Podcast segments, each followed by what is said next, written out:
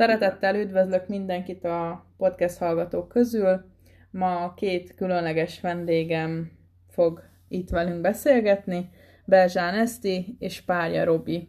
Belzsán Eszti egy illusztrátor, író, végtelenül tehetséges hölgy, aki varázslatos képeket alkot, és varázslatos történeteket is mellette. Üdvözöllek titeket! Sziasztok! Ja. Sziasztok! Üdvözöljük a hallgatókat is! És köszönjük a lehetőséget, hogy egy kis podcasttal megörvendeztetsz minket. Én köszönöm, hogy elvállaltátok a beszélgetést. Kérlek, hogy egy pár szóban mutatkozzatok be a hallgatóknak. Hát mindenkit üdvözlök. Berzsán ezt vagyok. Én már az előbb is hallhattátok, és az Eszti Berzsán író illusztrátor Facebook oldal, illetve az Eszti Berzsán Instagram oldal tulajdonosa vagyok. Hat éve léptem ki a világ színpadára, de ez nem azt jelenti, hogy hat éve rajzolok vagy írok, hanem ez azt jelenti, hogy hat évvel ezelőtt döntöttünk úgy, hogy a művészet gyönyörű, ám rögös útjára lépünk együtt, és a megérhetésünket is erre felé terelgettük, tehát létrehoztunk egy művészeti vállalkozást, melynek keretében sokkal inkább ki tudom bontakoztatni azt, a, azt az ajándékot, vagy tehetséget, ami, amivel születtem, mint hogyha egyéb civil munkám lenne.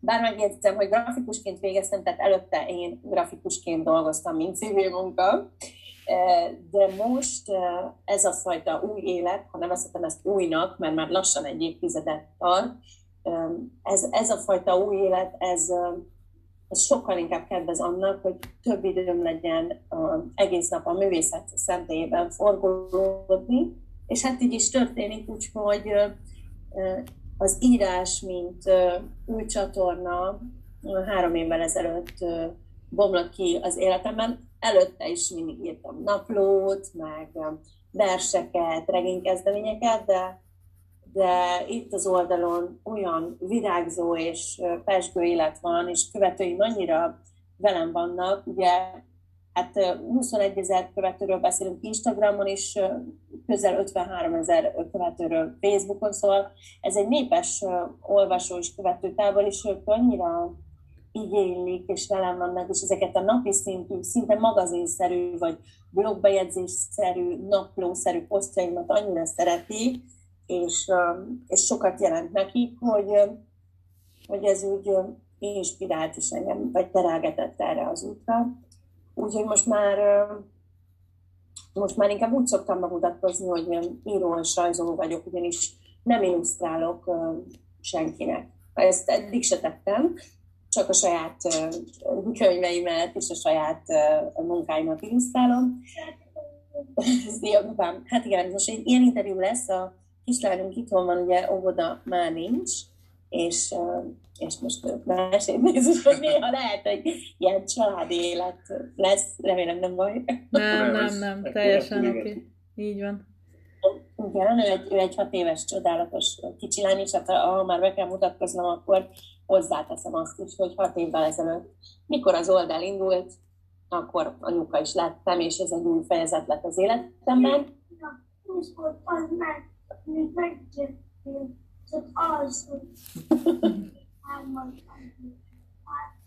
Igen, rajzolunk majd fát, igen. De most egy picit, és akkor elmondjuk apával, amit kell, és akkor utána rajzolunk, jó? Oké? Okay? Jó. Szóval az, hogy megszületett Felícia, ugye a neve is azt jelenti, hogy boldogság, ezáltal az én, illetve a mi életünkben is egy új boldogság kezdődött, és uh, egy hosszabb, nehezebb, sötétebb időszak után egy, egy felszabadulást, vagy egy, egyfajta újrakezdést. És ez elválaszthatatlan attól az írói, rajzolói tevékenységtől, amit végzek. Úgyhogy most fog kijönni az első nagy regényem, ez több mint 600 oldalas lesz, és felnőtteknek íródott. És nagyon izgalmas lesz. És, és mi tulajdonképpen a mindennapjainkat ugye az oldal bűvöletében éljük, amit vezetünk, az, az Eszti Berzsán író illusztrátor oldal um, um, színes, változatos, Kreatív. nem is tudom, nagyon pesgő ez a világ, aki bejön ide, akkor az, az ugye ezt megismerheti. És, és, és tényleg most a könyvről szól minden napunk, erről beszélgetünk, hogyan fogjuk reklámozni, hogyan fogjuk sok emberhez eljutatni. Ugyanis azt gondolom, hogy ez nem egy, egy mindennapi könyv, hanem egy, egy, egy különleges. Uh-huh. Abban különleges, amiben mondjuk a rajzaim is szerintem, hogy az érzelmek tehatnak, és képesek megérinteni valamit ott legesleg belül, a szívekben, és ezt már nem csak én gondolom, hanem ezt a követőim is kommentekben mondják. Igen, de nem csak te, hanem én is, én is érzem többször, hogy, hogy elérzékenyülök egy, egy fejezet kapcsán, mert hogy igazából ebben, ebben benne van a, a, a múlt, a jelen, a, a jövő, igen, amit igen, könyv, igen. Tehát, hogy van, vannak benne uh, idősebb emberek, uh, és a, az ő, ő, az ő visszatekintésük, a, a, az életnek a rövidsége, és mégis, hogy, hogy hogyan tudják kihasználni azt a, az életet, hogy hogyan, hogyan kell mondjuk jól átélni nehéz dolgokat is, és hogy, hogy... Vagy hogyan kell felépülni belőle, vagy erősebben kijönni. Erősebben kijönni, igen. Vagy, vagy hogy pozitív, vagy azt, azt egy pozitívá át konvertálni az, az életükben. Természetesen ez benne szerelemről, párkapcsolatról szó, van benne humor is természetesen, és mégis egy ilyen végigvisz az, az ember, végigviszi az embert egy ilyen hullámvasúton, hogy, hogy a fönt és a lent folyamatosan ott, ott lesz a, a könyvben, és ez nagyon-nagyon izgalmas. És hát ugye ezekkel a szereplőkkel mi együtt élünk folyamatosan, beszélgetünk róluk, mint hogyha... Te már úgy beszélsz róluk, mint hogyha élő emberek lennének. Tegnap azt mondja, hogy, hogy Petrával így meg úgy, lehetne találkozni, meg Petra, hogy viselkedne ebben a helyzetben, ez egy kitalált szereplő. szóval, hogy igen, de tényleg ennyire ö, forognak így a, a szánkon. Szóval igen, most ez van, és akkor, és mindig van valami. Hát eddig voltak a kiállítások, amíg nem volt a pandémia, addig minden évben megtartottuk az oldalnak a születésnapját márciusban. Azért, mert uh, márciusban született a kislányunk. Igen, és akkor oda tettük és, és hát az, az első alkalom, amikor volt az első önálló kiállítás, hát több mint 300 ember betömörült a kis kávézónkba, ahol, ahol megszerveztük, és is teljesen el voltunk képedve, hogy ennyire nagy az érdeklődés, igen.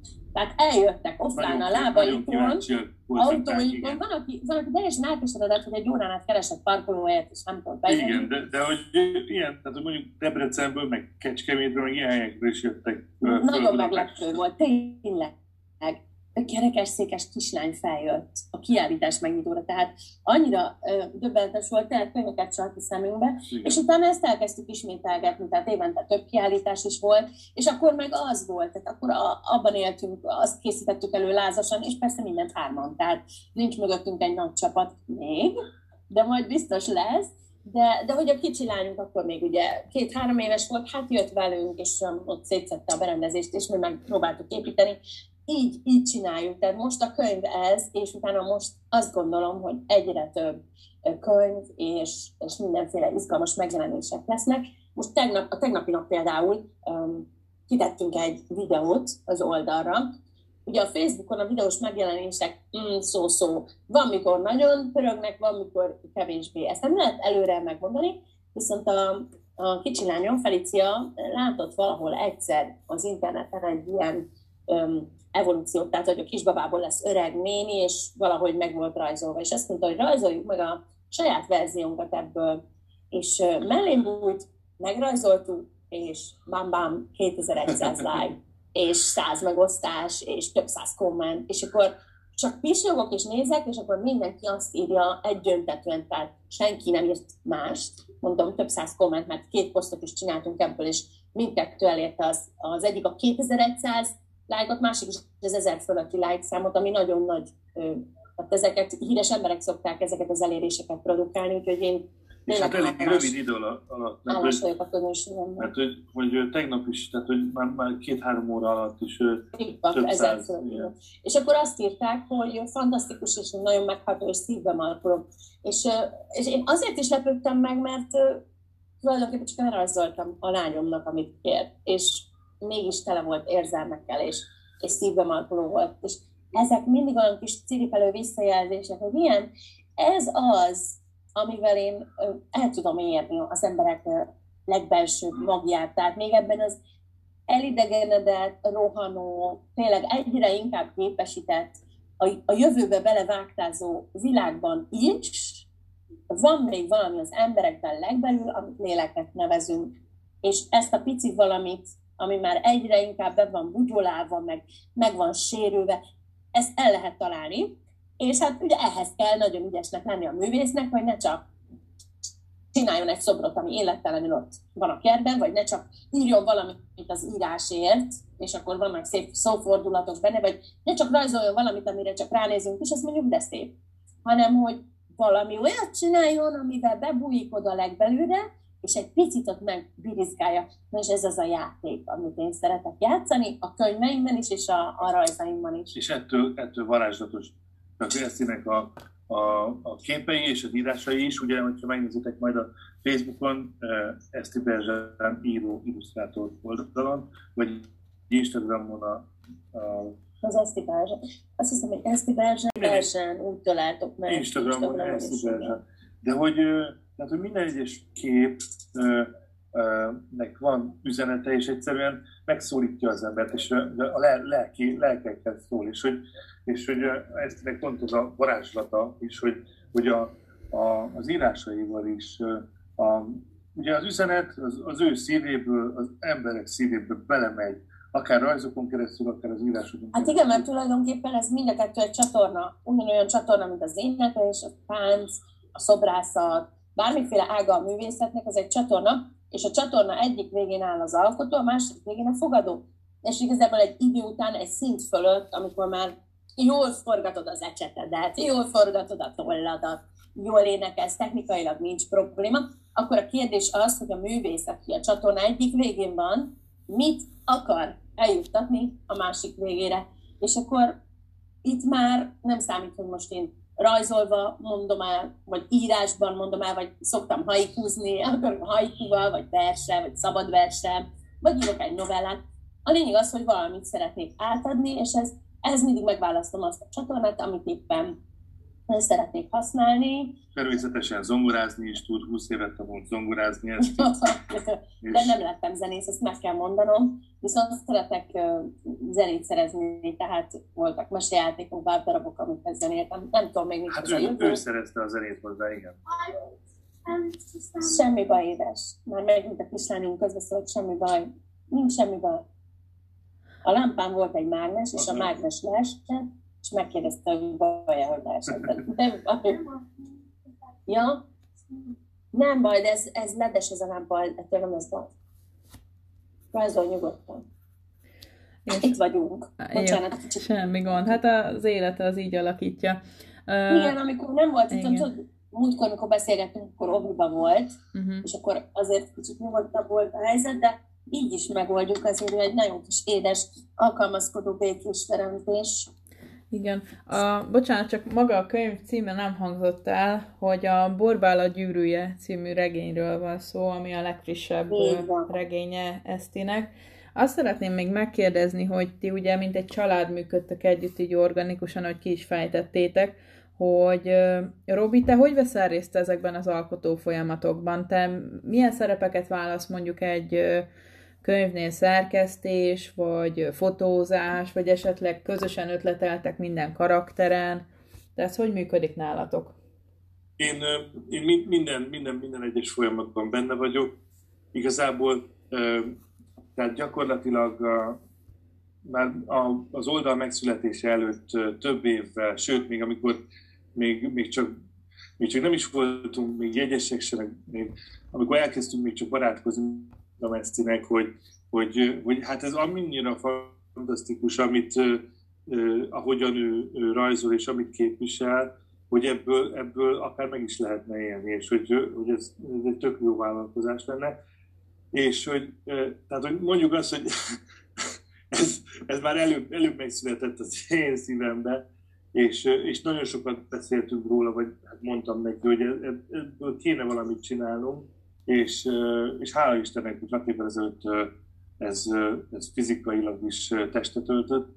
Ugye honlap, Facebook, Instagram egymás, és igen, minden egyes részében benne vagyok, próbálom inspirálni ezt itt, átbeszélünk mindent, hát a gyakorlati dolgokat ugye azt én, én végzem, ugye a, a könyveléstől elkezdve postázás, meg személyes találkozók, a könyvkiadásnak a, az összes ügyes dolgait intézem, és hogy próbálom menedzselni ezt az egész dolgot, hogy, hogy előrébb menjünk. Értem. Tehát technikailag te vagy a háttérbázis, amire támakodva, támaszkodva tud ezt alkotni szabadon kifejezni. Hát egyrészt háttérbázis, másrészt azt mondanám, hogy, hogy nagyon tevékenyen részt vesz, tehát volt egy éjszaka, amikor a Borbálán Tüdőjének a vázlatát elkezdtük átbeszélni, nem tudtuk még, hogy ez lesz a címe, nem tudtuk még a történetet, egyszerűen csak elkezdtük. elkezdtünk. Volt egy mag, egy ötlet, és aludtak kicsikénk, és föltette a lábát Robi egy, egy ilyen zsámolyra, és hátradőlt a fotelon, és azt szeretem, amikor, amikor ilyen nagyon nyitott az ő, az ő lelke. Ő alapból szerintem egy kicsit zárkozottabb személyiség, és, és előttem is van, hogy nagyon kinyílik, és akkor úgy elkezd sziporkázni minden, ami belül van, és ez egy ilyen mennyit pillanat volt, egy ilyen mennyei pillanat, úgyhogy én nem számított nekem, hogy fél tizenkettő van éjszaka, kapva kaptam a, a, a tablettemet, és mondom, mondjál mindent, amit csak gondolsz, tehát, hogy a, a storyboardokat, az egész történetmenetet, mindent akkor éjjel úgy beszéltünk át, mint hogyha magunk előtt láttuk volna a filmet, összekaptunk, hogy most, most akkor nem lehet, hogy oda utazik, meg nem lehet, hogy, hogy visszautazik, az úgy időben nem jön ki, tehát hogy annyira heves Igen, volt. Meg, hány éves, hány éves Kiszámoltunk mindent, ki hány éves, ki mikor született, kinek ki a gyereke, hogy történt az egész? És ugye hát az összes, az összes szereplőnek igen, a családi háttere, tehát ez egy olyan áldott pillanat volt, hogy gyakorlatilag egy éjszak alatt megszületett maga a regény. A, a mag. Igen. Nekem nem volt más dolgom, mint jegyzetelni azt, ami kettőnkből kijött. Tehát amikor, amikor vannak ilyen áldott pillanataink, ezt nem, nem tudom másképp nevezni, az ihlet pezseg, akkor mi nagyon, nagyon, nagyon jól működünk együtt, és meg kell mondani azt, hogy mi mielőtt még összejöttünk volna, miatt az első csók elcsattant volna, éveken át együtt dolgoztunk, és együtt egy, egy non-profit szervezetnél mindent csináltunk. Tehát azt úgy képzeld el, hogy plakátoktól kezdve jelmezes próbákon át, zene, minden. És, és ebben a közös munkában nagyon jól működtünk együtt, tehát úgy, úgymond szerintem ez a szikra köztünk, ez ezáltal gyúlt föl a közös munka által, mert akkor valami nagyon jó kezdődik el, amikor mi együtt dolgozunk, és ez a nagyon jó, ez minket is vizsgálgat, meg a környezetünk is úgy nézi, hogy hogy csillog ez az egész együtt.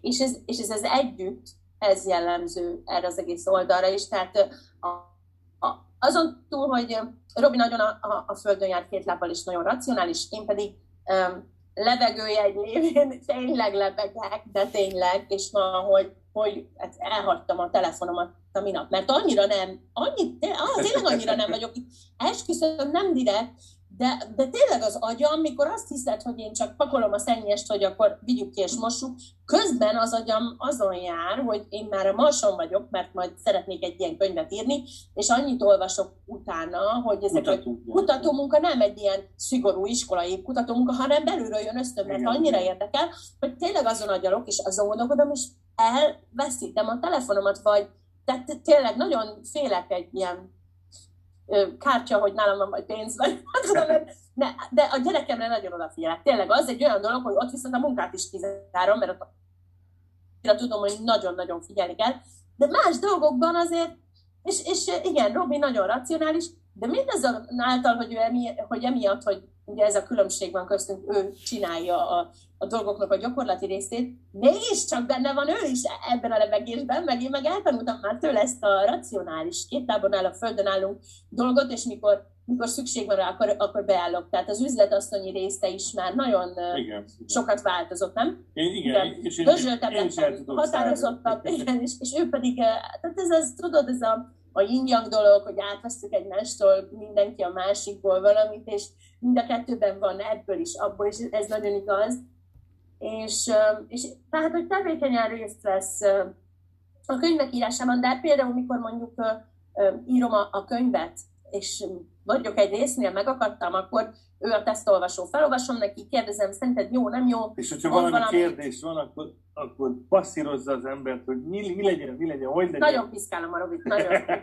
Mert a végén nem bírja. Hagyjál már, ne kérdeznál már. Mondom, de muszáj kérdeznem, már muszáj. Hát ha egyszer megakadtam, akkor valakinek muszáj, hogy... Hogy tovább tudja menni. Igen, igen, és addig nyomjuk, addig nyomjuk, amíg annyira jól jön ki, és utána végig olvasom, azt mondom, hát természetes, hogy ez így van. Mert hogy, de, hogy... olyan válasz nincs, hogy nem tudom, mert, mert, mert olyan nincs. Ezt nem bírja. Mondom neki, nem mond, hogy nem tudom, akkor anyaj, talán valamit nem lehet, hogy nem tudod. Hát... Tudod, a, a, nagyon ketten vagyunk, és nagyon nekünk kell mindent kitalálni, úgyhogy ilyen lehetőség se nekem, se neki nincsen, ja. nem tudom. Hát ez... Musz, muszáj, muszáj. Igen, igen. És ez a prés, tudod, ezt, ezt mondta Arnold Schwarzenegger, hogy nincs B-terv. Hogy a sikeres embereknek az a titka, hogy nincs B-terv. A-terv van, és azon kell végigmenni, ha belegebedsz is. És ezen az áterben megyünk mi, végig verekedjük magunkat. Egy, egyébként azt mondom, hogy nagyon nehéz út, és nagyon jó út, tehát nagyon izgalmas, és most már, most már csillog az egész, tehát most már sok az irigyünk, sokan állítanak meg, sokan gratulálnak. Tényleg de minden nap, tehát már olyan hét nincsen, hogy ne állítanának meg az utcán, ami nem azt mondom, hogy hűte jó érzés, hanem inkább az, arról egy visszacsatolás, hogy sokan ismernek, tehát hogy a beve, beve, befektetett energia, a befektetett pénznek, mi mindent visszaforgatunk, tényleg anyagilag is hatalmas összegeket bele. És hát nem csak Budapesten, hanem vidéken is. Tehát, és abból tudtuk, amit megkerestünk. nyaralni, vagy ide-oda, akkor is ott is találkozunk emberek. Nem volt nagy tőkénk, vagy bármi. Úgyhogy, úgyhogy ez egy jó visszajelzés, hogy abból a kevésből is egy ekkora ismertség lett. Úgyhogy igen, Robi tevékenyen részt vesz a karakterek megszerzésében is, de a képeimben is, tehát ő aztán Régen, amikor grafikusként dolgoztam egy, egy munkahelyen, akkor volt egy kolléganőm, aki egyébként nem művész, hanem matematikus vagy fizikus, nem is tudom, abszolút nem beállítottságú. Valahogy volt valami benne, ami miatt ő volt az egyetlen, aki, de azt mondtam, hogy na gyere, te nézd meg, ha ő azt mondja, hogy nem jó, akkor én tudom, hogy az úgy van. Mert ugye kritizálni is csak úgy lehet, és csak akkor, hogyha nincs benne az irítségnek az írmagja se. Azért kritizálni, mert hogy irigy vagyok, hogy neked ezer lájkod van a képeden, és ő, hogy néz ki, meg ő elrontottad. Meg hát, hogy se tudsz ilyet rajzolni. Hát akkor összecsapom a két kezem, és azt mondom, csinálj jobban.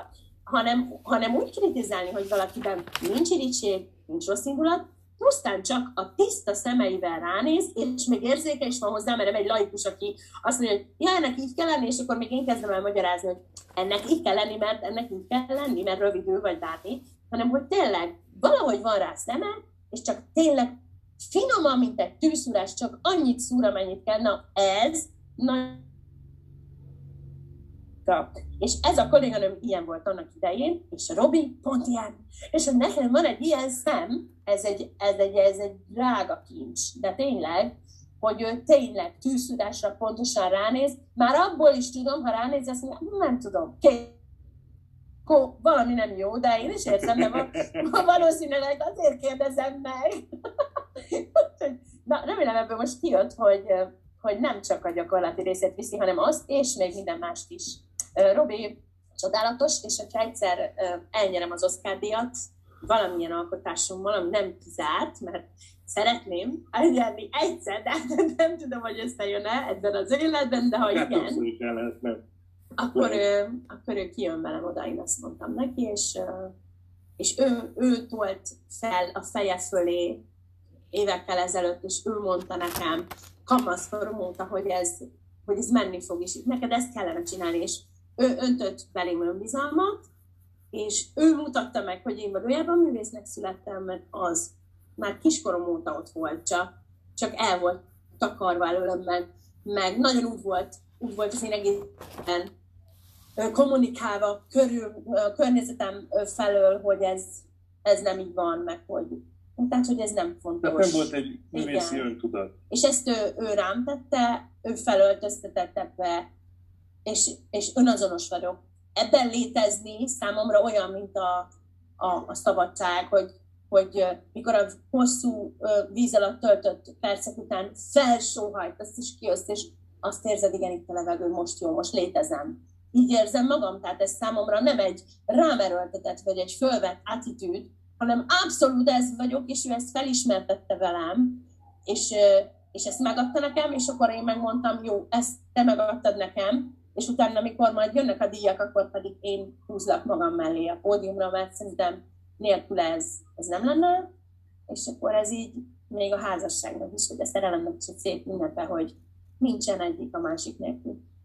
Na, hát ez nagyon jó ezt hallani, hogy így kiegészít, kiegészítitek egymást, és hogy ennyire tényleg egymásból táplálkozva, inspirálódva tudjátok ezeket a csodákat létrehozni, mert azért nem csak ez az egy kötet van, hanem, hogy említetted, volt több kiállításod is ugye ezeken a születésnapokon. Azt szeretném, hogyha a kiállításon szereplő műveidről egy kicsit így kronológiailag időben vissza mesélnél, hogy mi volt az első kötet, ami kijött, mert van többféle könyv, novella, illetve foglalkoztató, van gyerekeknek szóló, felnőtteknek szóló tartalmad is, hogy ezekről egy kicsit, hogyha mesélnél, azt megköszönném.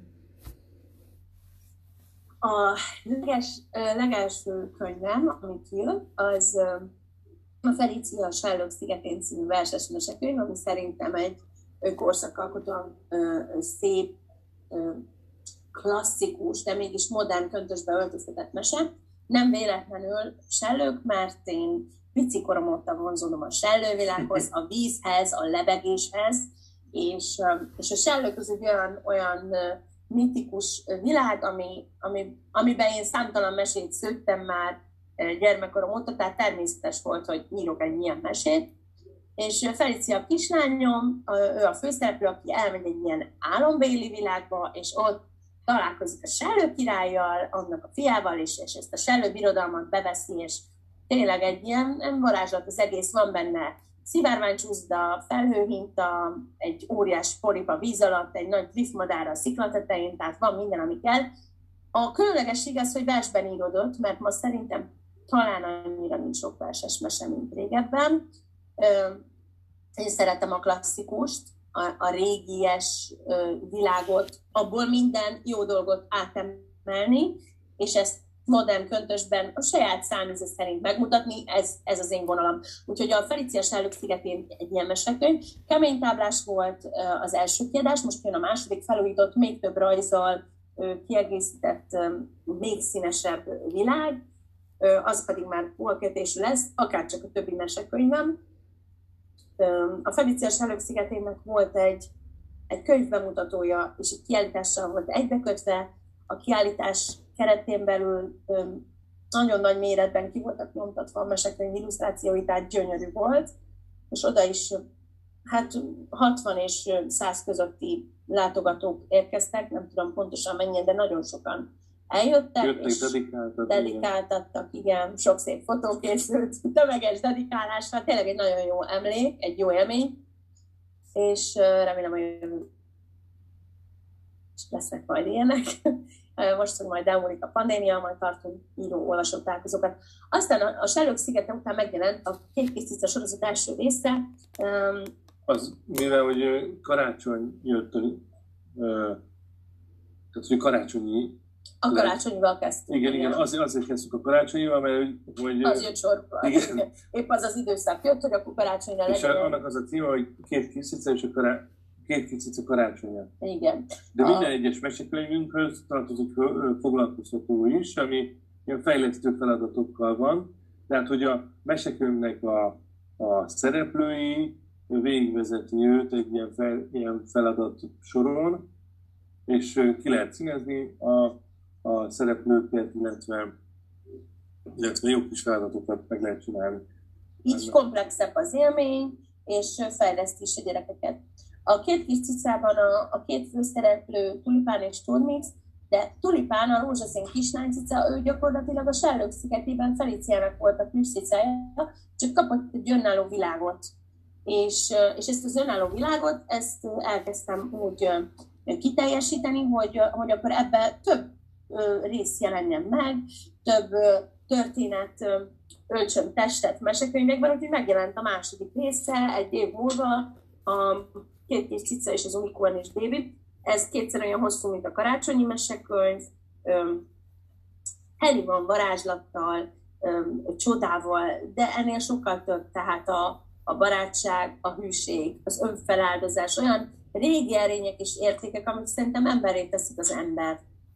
Szóval ez a mesekönyv teljesen mesés, teljesen varázslatos, még egyszer mondom, nem egy ilyen deduktív, egy ilyen tankönyvszerű, de mégis elolvassa a gyerek, akkor az jön le belőle, hogy wow, ezek összefogtak, ezek megmentették a várost. Igen. És, és jutalmat kaptak érte, és, és el, elhárítottak egy természeti katasztrofát, és közben ők lettek a legszebbek a bálon, és közben van benne egy kis ilyen kis rosszaság is, tehát irítség, ami annyira emberi, és annyira jellemző a gyerekekre, és, és hogy az is elnyerte méltó büntetést, nem ő nyerte a, a, a ruha szépségversenyt, hanem Tulipán, akinek egyébként ideje se volt újat varni, és és lámlám csoda történt. Szóval tényleg az egész egy tündérmese, de modern keretekben, nagyon, nagyon szeretni való mese. Nagyon szeretem az Unicornis baby És ennek a mesekönyv sorozatnak jön a harmadik rész, ez pedig természetesen mi más lenne, mint a két kis tisza Nessie nyomában, hiszen a másik a két rajongok az alok Nessie szörny. Jaj, azért nevetek, mert én azt gondolom, az a teóriám, hogyha én oda egyszer elmegyek, a tóhoz, már pedig el fogok menni, ez a következő úti célunk, akkor nekem, nekem kijön a szörny. Azt tudni, nekem kijön. Azért, mert hogy van egy idős barátja, Esztinek, aki gyerekkorában... 60, 60 pluszos úriember, egy angol úriember. És gyerekkorában... Uh, Látta neki kijött a szörny. Igen. És, és, és, ezt, ezt meg elmesélt, hogy akkor még ő... Voltam tinédzser. Igen, tinédzser. Hát azóta oda vagyok, hogy ő látta, hogy tényleg létezik, amúgy is mindig érdekel. És hogy ő egy fi, olyan ember, aki tényleg látta a Messi-t. Adriennek mindent megbocsátunk. Bármit is csinál, Adrien látta a Messi-t. Ja. Igen. Úgyhogy a következő mesekönyv, a következő mesekönyv az a két kis cica Nessie nyomában lesz. Ez már meg van írva, már csak meg kell rajzolnom, csak. Ugye itt a, a mesekönyveimnél a rajzolás az, ami a, a legtöbb időt vesz igénybe, mert rajzolom az oldalakat, kifutóra, dupla oldalas, tehát a gyerekek, amikor kinyitják a könyvet, akkor egy... Ez egy varázslat, igen. Egy mesevilág tárul eléjük, mintha egy filmet néznének. A Ferícia sorozatot is folytatom, mint, mint hallhatjátok, több félkész dolgom van. Ez azért van, mert annyira szeretném mi hamarabb elérni, hogy mindezek testet öltsenek, hogy hol ehhez nyúlok, haladok vele, haladok, haladok, haladok, de aztán már látom, hogy hát a már másik is 70%-osan készen, gyorsan azzal is haladok, és beleélem magam, és akkor abban a világban létezem mondjuk egy hétig. És a Ferícia és a Kalózok legendás kincse az Hú, az pedig az egy, egy meseregény. Igen. Tehát az lesz a Sellők szigetének a második része, viszont nem verses mese, hanem, hanem egy, egy dús, ez egy kalózos kaland lesz. Igen. Meseregény. Tehát az olyan, hogy a gyerekekkel megszeretteti az olvasást. Az nem illusztrált, hanem az egy, az egy kalandregény igazából, és wow, vannak benne tengeri szörnyek, kalózcsaták, minden van, kincskeresés, és, és majdnem megfulladás. Óriás rákok skorpiók, skorpiók, skorpiók szigete, van benne egy ijesztő kalóz, aki a végén szerelembe esik, és egy óriás kalóz esküvővel fog véget érni a, a meseregény, ahol a, el kell képzelni, hogy a kocsmában bum, bum, bum, tehát poharakkal verik az asztalokat a kalózok, meg a boszorkányok, és akkor felszolgálják a sülteket, és, és a kalóz feleségből veszi a kit, azt elkít a fókat egy királylány, szóval ez ilyen, ez ilyen, a legendákat ide is természetesen beépítem, mert ez is egy, egy régi legenda, úgyhogy na, ez nagyon jó lesz, ez is, ez, ez fog kijönni a Borbála Gyurgye után, hogy milyen mesekönyveim vannak, aki szeretné a www.esztiberzsán.com webshopunkon beszerezheti, nagyon jó érzés ezt mondanom, mert sokáig nem volt webshop, de most már ez is van, és fejlődünk és menjünk előre. Ezen kívül a felnőtteket megajándékoztam egy évvel ezelőtt az Éjféli novellák című novellás kötetemmel, amelynek 15 darab novellával. Jön a második része szeptemberben, Na. És szeretnék évről évre egy-egy novellás kötetet húzni, mert azt nagyon falják, tehát nagyon szeret. És amióta van az oldal, azóta létrejött minden évben a, a, az, az éves naptárunk, ami teli van Esztinek a csodálatos képeivel. Igen, mert nem 20... csak az írásnak akarunk teret adni, hanem hogy a rajzokat is offline is megkaphassák az emberek, és így ebben az A4-es méretű állónaktárban uh-huh. megkapják. 26 darab kép van benne, mert ugye két heti beosztással csináltuk a naptárat, úgyhogy hogy alul le, lehessen beleírni, jegyzetelni a névnap, meg, meg, meg mit tudom, fontosabb dolgokat felírni benne, de közben lehessen gyönyörködni a, a képekben is, amit utólag, miután ugye vége a, a naptári évnek, akár be lehet keretezni, és akár dísze lehet, lehet a, a, az otthonának, uh-huh. aki ugye megvásárolja ezt a naptárat. Ebből mindig, minden évben csinálunk, és hát azt szeretnénk ugye, hogy minden, minél több, több eljusson több helyre. Uh-huh. Ugye a mesekönyvekből is, a novelláskötetből is, a, a Borbála gyűrűjéből is, és a naptárból is. Igen, hát nem titkolt célom az, hogy még olvassátok a, a megjelent regényt, addig én megírom a következőt, és akkor sorban álljanak az olvasóim az újabb és újabb történeteket, és csak azt mondják, hogy írj ezt így, én meg csak írjak, írjak. Szóval ez, ez nagyon jó, mert az írás egyébként ugyanúgy elfárasztja az ember, lemeríti az ember, és ugyanúgy, ugyanúgy kimerész benne munka, tehát hogy uh, nem mintha nem élveznéd, hanem ezt, ezt arra mondom, hogy ha mást dolgozol mellette, akkor sokkal lassabban tudsz haladni, így készülnek a regények éveken keresztül, mert akkor mindig csak esténként tudsz egy picit haladni vele.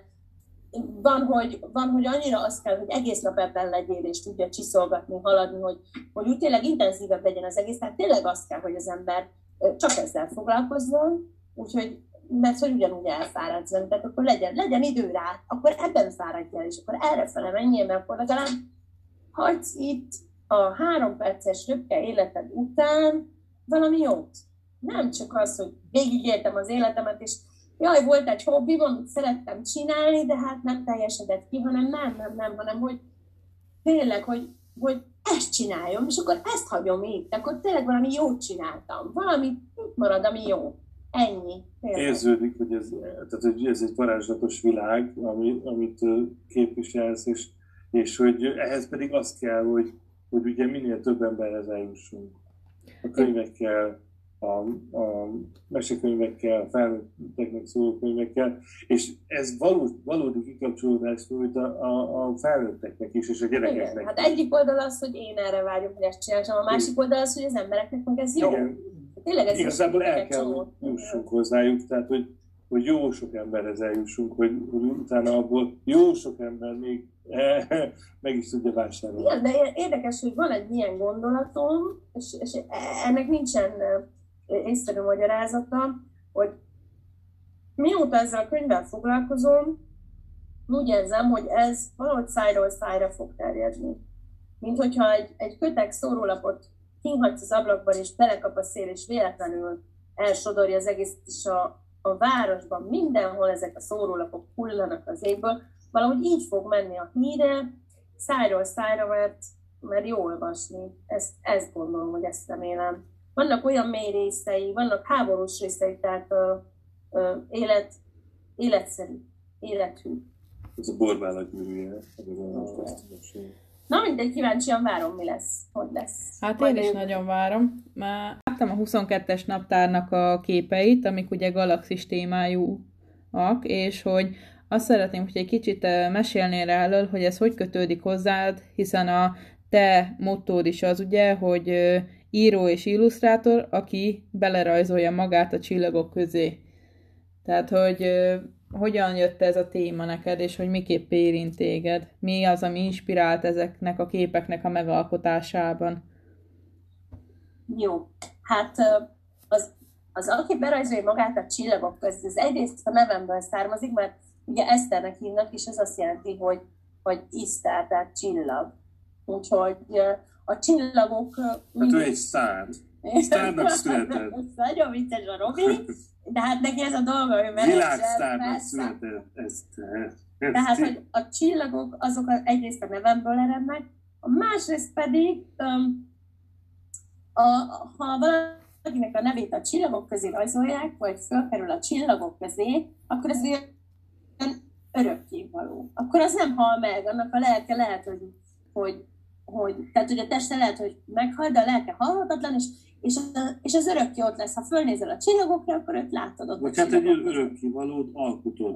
Igen. Úgyhogy ezért van az, hogy berajzolom magam a csillagok közé, és, és, és a másik az, hogy én úgy érzem, hogy az emberek sajnos nagy része kevésbé olvas, inkább néz. És a képeim, azok, azok könnyen ö, ö, ott megragasztják a szemet, tehát gurulsz-gurulsz a hírfolyamon, és hopp, egy jó kép megnézi, tehát én nekem be kell rajzolnom magam a csillagok közé, vagyis hogy a rajzaimon keresztül kell eljutnom az emberek közé, az emberek szívébe, és a rajzaim által, ahogy én berajzolom magamat az örökké valóságba, úgy fognak jobban megismerni engem. Nem egy ember mondta nekem személyesen, aki megszólított az utcán, hogy először a rajzaidat nézegettem, és aztán jöttem rá, hogy miért te írsz is, és elkezdtem olvasni, és hú, de jó. Tehát nekem ez az utam. De ez az, ezért van ez a motto. A, a másik pedig az, hogy hogy, hogy ugyebár a levegés az mindig vonzott, tehát ha megnézed a Facebookon ezt az albumot, ami egy, egy gyakorlatilag egy online tárlat, az Egy Csepp Varázslat című albumom, szinte mindenképpen van valami levegés, van olyan képem, hogy egy lány léggömbcsokrot fog és repül fölfele a levegőben, vagy, vagy lebeg a ruhája, vagy a haja, vagy, vagy úszik. Hát hány és hány olyan rajzom van, hogy sellőként úszik egy lány, vagy csak egy lány maga lebeg a vízben. Ez a, ez a súlytalanság, ez a könnyen, könnyű lebegés, ez engem mindig vonzott, mert ö, ö, nagyon zavar a sok súly, ami, ami lehúz a mindennapokban, és szeretnék... Gravitáció. Hát igen, mondhatjuk így is. Szeretnék ö, én lélekben ennyire úszni, vagy szabadnak lenni. Az meg, hogy most kimegyünk az űrbe, az szerintem nagyon természetes már. Tehát a mai világban már nem egy olyan nagy dolog, hogy űrutazás, vagy, vagy a Mars elfoglalása, vagy, vagy más galaxisok meghódítása, mert most az embernek ez a terve. űrutazó fajjá akar válni az emberiség, mert úgy gondolják most az okosok, hogy ez az egy túlélés lehetőségünk van, hogy ez a bolygó a klímája miatt élhetetlenné válik, mondhatjuk úgy, hogy tönkretettük, vagy mondhatjuk úgy, hogy a Földön bizonyos időközönként eljön egy klímaváltozás, ez is így van. Most pont mi beleestünk és ott élünk, de lehet, hogy mi is rásegítettünk, nem tudjuk. Írtjuk ki a fajokat, használjuk el a, a Föld kínálta kincseket, vízhiány van, nem tudom, elég ijesztő. Tehát, hogy igen, hogy, hogy azt gondolja az emberiség, hogy akkor most meneküljünk el, innen csináljunk egy egérutat, és váljunk űrutazó faljá, építsünk egy űrszállodát, amiben 2027-től majd lehet menni, meg a földkörüli körüli pályán fog majd ez a, ez a focipálya méretű fémszerkezetből álló űrszálloda majd keringeni, és majd a gazdagok ott fognak megszállni, és majd már nem az lesz a nagy szám, hogy elmentem ö, ö, Indonéziába egy, egy nyaralásra, és ott az elefántoknál pózolok, hanem már majd az lesz a nagy szám, hogy a föld előtt pózolok egy szelfit, mert a föld mögöttem van, tehát igen, csináljuk most ezt, úgyhogy azt hiszem, hogy ez már nem is annyira a jövő, mint inkább a jelen, és, és én ezt elfogadtam. Először, először féltem a kezdetekben, amikor nem olvastam annyit a jövőről, vagy ezekről a technológiai újításokról, mert az ember hajlamos félni attól, amit nem ismer, de most, hogy, hogy belástam magam a témába, nagyon sok cikket, interjút, mindenfélét hallgattam, olvastam, néztem, Hát azt mondom, hogy egész csodálatos és, és káprázatos, hogy itt tartunk, tényleg, hogy hol tart a technológia, hogy itt, ide Magyarországra talán el sem jutnak olyan hírek, amik a nemzetközi sajtóban ott vannak, hogy, hogy milyen gépjárművek vannak már, hogy repülnek az autók, és hogy tényleg ez már nem a visszajövőbe, hanem ez már a jelen, és akkor, hogy milyen lesz ezután a jövő. Nekem ez nagyon izgalmas, hogy hogyha ezt veszem alapul, ami most van, akkor ez már, ez már a jövő, és és akkor a jövő jövőjét nézzük meg. Úristen, ez egy, ez egy nagy váltás, amiben élünk, úgyhogy egyrészt ez lenyűgöz, másrészt tényleg kicsit félelmetes. Öm, engem nem az riaszt meg, hogy elhagyjuk a Földet, hogy lebegünk, hogy űrutazók leszünk, biztos jó lesz a technológia, ugyanúgy vannak repülőbalesetek, vonatbalesetek, mint ahogy lesznek űrhajóbalesetek, nem számít, ez van, ez benne van sajnos nap mint nap halljuk, tehát nem ez riaszt meg, hogy most elhagyjuk a Földet, hanem inkább az, hogy, hogy talán elhagyjuk az emberségünket. Engem ez riaszt meg.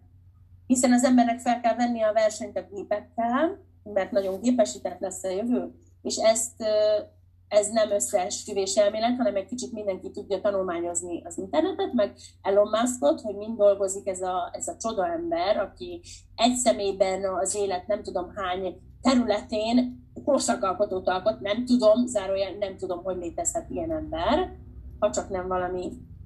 Na, ez már lehet, hogy az én összeesküvés elmélet, de én arra gondolok, hogy lehet, hogy van, ugye a jövőben van szerintem időutazás, ez nem vicc, szerintem van, és akkor ő viszont az, mert hogy annyira tudja, hogy, hogy mi jön holnap. Biztos lábakon áll, és, és úgy előre a, a SpaceX az agyba ültethető csip, amit beletett már egy majomba. Lehet, hogy nagyokat is mond, meg lehet, hogy mondja, hogy majd ez lesz, meg az lesz, de lehet, hogy csak az irigyek mondják, hogy nagyokat mond, és lehet, hogy tényleg megy előre, mert hogy tényleg lövi ki az űrhajókat, és tudjuk, tudjuk, hogy a NASA sem mond el nekünk mindent, így hát Elon Musk se mond el nekünk mindent, aki civilként bekapcsolódott az űr, űrprogramba, és hát ugye az, az tény és való, hogy Los Angeles alatt, meg nem tudom hány város alatt föld alatti járatokat, föld alatti városokat épít, meg kell nézni az interneten, mi van, úristen, ott vannak a riporterek, beszélnek, híradóban mutatják, nem vicc, nem kitaláció, ebben élünk.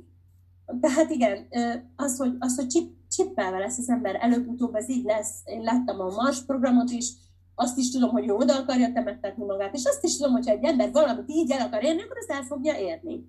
Mert az ember az képes abban ott van a képesség, és ha van hozzá lehetősége, pénz, meg lehetőség, meg kapcsolatok, akkor megcsinálja. Mert az elszántsága viszi előre. Tehát, hogy a Mars programban az van, hogy ugye az emberek, akik oda kiköltöznek, csak akkor költözhetnek, ha már bennük van ez a kicsi pici számítógép. És ő is elmondta, hogy nem, nem lehetséges másként a túlélés az emberi faj számára, csak hogyha azonosul vagy egyesül a a gépekkel, tehát félig, meddig gépé válunk. Nekem ez a félelmem, hogy akkor hova tűnik a szabadság, a személyiség, a lélek, hogy, hogy lesz, hogy lesz. Ezen nagyon sokat gondolkodom, hisz az egészségünket úgy akarják majd szkennelni. Az, az a pici gép az fog segíteni rengeteget az egészségben, csomó mindent ki fog szűrni, nem fogja hagyni, hogy... Tudja vizsgálni ugye az embert, hogy mi, milyen, mi kezd elromlani. Nem, nem fogja hagyni azt, hogy elharapodzon valami, aminek nem szabad. Tehát egy csomó olyan pozitív hozadéka lesz, ami tök jó, és akkor és, az egészsége ugye meg lehet nyerni az embereket, hogy egészséget. de hol a szabadság? Tehát hol van az, hogy ha például ö, ö, bizonyos enzimeket, az indulatokat biztos vagyok benne, hogy fogja kontrollálni. Tehát ha már van benned egy ilyen gép, nehogy már akkor hagyjuk, hogy gyilkosságok legyenek, vagy bármiféle olyan vad dolgok, amik, amik tényleg pusztítóak. Tehát akkor azt kontrollálni kell. És akkor hol a határ? Meddig kontrollálunk, és mit kontrollálunk? Új, új etikai kérdések. Engem ezek riasztanak meg egy picit. Hol, hol marad a régi ember? az igazi ember. Vagy csak egy, egy gépesített újfaj lesz. Lesznek érzelmek, de csak az, amit megengednek. Egy gépesített újfaj, igen, ez a jövő. Nagyon érdekel, tehát ezért is rajzolom ezt a lebegést, ezt az űrt, ezt a kozmoszt, ezt a galaxist. Én kicsit már kint vagyok a, a Földről, mert érzem azt, hogy erre fele megy a világ, érzem, hogy minden e, minden online, minden virtuális, és hogy még inkább sokkal inkább az lesz, és én csodálkozom, hogy még mindig itt tartunk, hogy nem lebeg minden autó, tehát hogy nincsen a házak tetejére képítve a, a leszállópálya, stb. Tehát előbb-utóbb ez lesz, és nagyon, nagyon érdekel. Nagyon érdekel.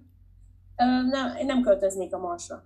Ha azt kérdeznéd most, hogy én mennék-e, nem mennék, nekem tetszik a Föld, és, és azt gondolom, hogy minden technológiai fejlesztéssel együtt, ahogyan a Mars légkörét és a, a mágneses mező hiányát ö, helyre fogják állítani, vagy, vagy meg, megoldják, ahogyan a, a széndiokszidból oxigén fognak csinálni, ahogyan a, a föld alatti eltemetett jeges vizekből majd vizet csiholnak, meg minden, minden megcsinálnak, meg tényleg ö, hegyekbe válják bele a, az épületeket, és tényleg az egész annyira nagyon ultramodern lesz, és lemodellezik a földet, és, és az ember Istent játszik.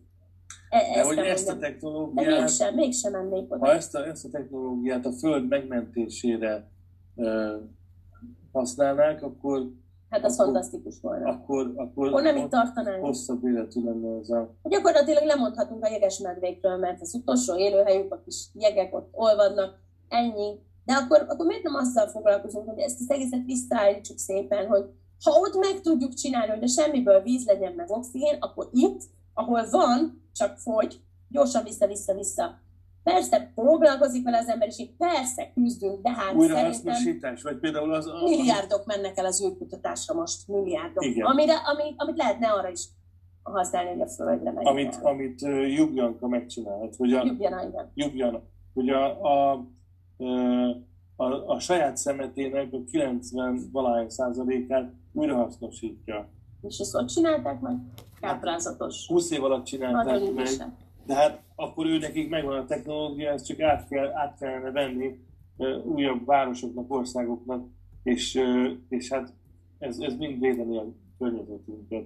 Vagy hát igazából itt van a napenergia, a, a vízenergia, akkor a, a, vagy itt van a geotermikus ö, ö, energia, bárhol itt Magyarországon, bárhol lefúr az ember, és, és föl, följön 4-500 méteren már Milyen van, drága kincs. van víz, és hogy, hogy eh, hát e- ezzel is lehetne fűteni ugye a, a, a, családi házakat, vagy hát már nagyon sok minden van, amit, amit, uh, amit meg kéne tennünk Bocs, a. É, Érted? Rakodják le a CBA vagy bármelyik bolt mellett a kamionról a rak, rekesz számra, raklapszámra a műanyag üveges vizeket, ö, kólákat, meg mindent.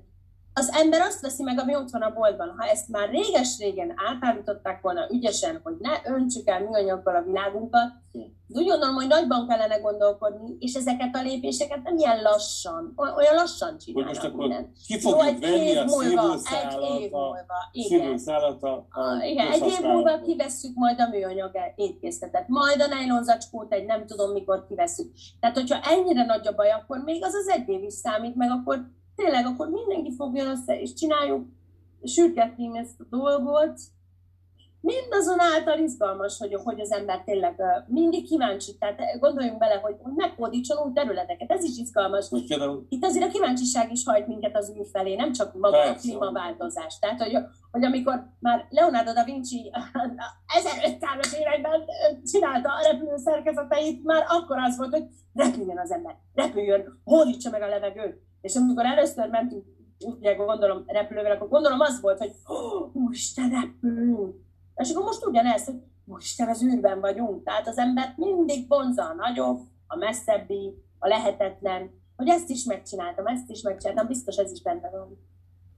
Hát igen, ezek Vannak ne... gazdagok, mint Elon Musk, aki, akinek annyi pénze van, hogy, hogy már igazából nincs izgalom ezen a földön. Neki egy olyan játék kell, de hogyha ha ő, ami elérhetetlen. Oké, de hogyha ő mondjuk a Földet akarná megmenteni, hát ugyanez a, hobbija. ha ugyanezzel a lendülettel a Földet akarná megmenteni, akkor, akkor, akkor ezt csinálná a hatalmas erőkkel. De nem, ő nem. Ő kinézett a játékboltban, a kirakatban, a legfelsőbb polcon egy nevű játékot, és neki azt kell. Igen. És ő addig hisztizik és toporzik, amíg azt meg nem kapja. Hát Úgyhogy káprázatos világ. Izgalmas. igen, igen. Izgalmas ez az időszak. Igen. Abszolút, és ugye, ahogy mondtátok is, ugye egy 30 évvel ezelőtt mondjuk ezek csak fantazmagóriák voltak, most pedig ebben élünk. Tehát, hogy ezeket átélni a mindennapokban. Én is nem vagyok idős, de az elmúlt 10-15 év fejlődését azért már én is csak pislogva figyelem, hogy mekkora változás van akár az elektronikában, akár a, az élelmiszerek tartósításában, vagy a, a környezetvédelem, hát ez egy elég nehéz téma, mert hogy ugye a közembereknél talán az van, hogy látunk videókat, látunk ajánlásokat, hogy mit, hogy lehet háztartásilag megoldani, de hogy te is mondod, nagyban kell gondolkodni, mert tehermentesíthetjük az otthonunkat, amennyire csak tudjuk a saját megoldásainkkal, de ugye a nagy gyárak által ö, kibocsátott szennyeződést, ezt nem fogjuk tudni megoldani. És ugye ebben a, a területben én nem vagyok ö, expert, ilyen, hogy mondják, ö, hozzáértő, de az nem egy ö, statisztika mutatja meg tanulmány, hogy kis emberek tehetnek sok mindent együtt, de ezek a, azok a kardinális emberek, akik ugye a különböző termékeket gyártják, amiket minden nap használunk, azoknak kéne olyan lépéseket tenni, hogy megkönnyítsék a földön a környezeti lábnyomukat. Tehát, hogy igen, ezek olyan dolgok, amikről most beszélünk, amit minden nap átélünk, ugye foglalkoz... Kezünkben van a mobiltelefon, akkor használunk háztartási eszközöket, használunk ö, élelmiszereket, és ezeknek az előállításáról viszont nagyon keveset tudunk. Most már szerencsére többet, mert van videófelvétel, elmennek az emberek, érdeklődnek, hogy ez hogy működik, mert rájöttek, hogy azért ezzel fontos foglalkozni, és hogy te is mondod, hogy egy év is számít, hogy ez nem mindegy, hogy hogy zajlik. Jó lenne elfelé el indulni, hogy ebben nagy lépések is történjenek, ne csak a kis emberek. Hát most gondolj bele, hogy a szarvasmarhának a gyomrában található enzim lebontja a műanyagot. Most mondd meg, ilyen van. Tehát még ezt is megadja a természet, hogy van egy olyan élőlény a Földön, aminek a gyomrában található hát enzim. rengeteg van, igazából ki kell, hogy melyik az a baktérium. Hát és ezt a baktériumot már utána ki tudjuk terjeszteni, ami lebontja a műanyagot. Működne. Pénz, pénz, pénz. Gyerünk, gyerünk, gyerünk. Csináljuk, hát, bontsuk le, gyerünk. Nem? Gondolom, nem? igen, a, a gyáraknak a, hogy akkor ez? A, a, az, az a, az a rossz anyag, ami, ami kimegy akár füstként, vagy, vagy valami termel, azt mondjuk egy kémikus, vagy biológus, az valahogy vissza tudná redukálni, mondjuk lehet, hogy vízé, meg különböző anyagokkal, ami nem ennyire káros lenne a környezetre. De hát mondjuk ahhoz is persze, ugye ezen mi valakinek gondolkodnia kell. Vagy például, vagy amit ugye Kínában csinálnak, ott, ott azért annyira rossz a levegő, mert hogy gyárak egymás hegyén vannak, és már nem azért, nem azért hordanak maszkot, mert hogy, mert hogy, hogy pandémia van, hanem már előtte is azért voltak maszkot, mert, nem, nem, mert rossz volt a levegő minősége. Tehát saját légkörüket szennyezik. Igen. Neked az egész föld, föld, föld nem szeretném a témát kicsinyíteni, mert ezek fontos dolgok, és jó, hogy szó esik róluk. És ugye, ahogy beszélsz is róla, ugye a fantáziánkat izgatják a mindennapi események, és azok, amik körülvesznek minket, hiszen az ember táplálkozik a környezetéből, egymásból, ugye azért is kíváncsi, azért is próbál kreálni új dolgokat, alkotni, mert ezek a dolgok viszik előre, és nem akarom mondom elvenni ennek a fontosságát, de kanyarodjunk vissza hozzátok az alkotáshoz, és hogyha már a mindennapokról van szó, és arról, hogy mi a mi trend, és szerencsére mondhatjuk, hogy trend, az, hogy az önmagunk elfogadása, és az, hogy a valós kép mutatása az egyre jobban hangsúlyos lesz, és nálad is megjelenik ez tartalomban, most május végén és június első heteiben jöttek ki olyan képek tőled, ahol a body positivity témában alkottál. Ezzel kapcsolatban a gondolataidat elmondanád nekünk? Igen, örömmel elmondom a gondolataimat. Ez egy nagyon-nagyon jó téma. Egyrészt azért, mert megosztó, tehát ez mindig megmozgatja az embereket, mert itt aztán megjelennek a seregélyek is, és csípik a témát, és marcangolják, és megjelennek a negatív érzelmek is, de én ezt nem bánom, mert azt gondolom, hogy legalább mozog. Legalább mozog a téma, mozog a gondolat, legalább van egy oda-vissza áramlás, és legalább akkor érzem, hogy megint jó helyre bögtem. Másrészt azért, mert rengeteg ember visszahúzódott a csigaházába, 10-20 kiló fölösleggel, amit mondjuk három gyermek szülése után, vagy egy betegség miatt cipel magán, próbálja leadni, de még nem sikerült, de még nem sikerül, vagy még éppen egy olyan mély hullámban van, hogy akkor most ezt feladta egy időre, aztán majd újra kezdi persze, de... És győzni magát. Igen. És, és behúzódva a csigaházába önmagát marcangolja.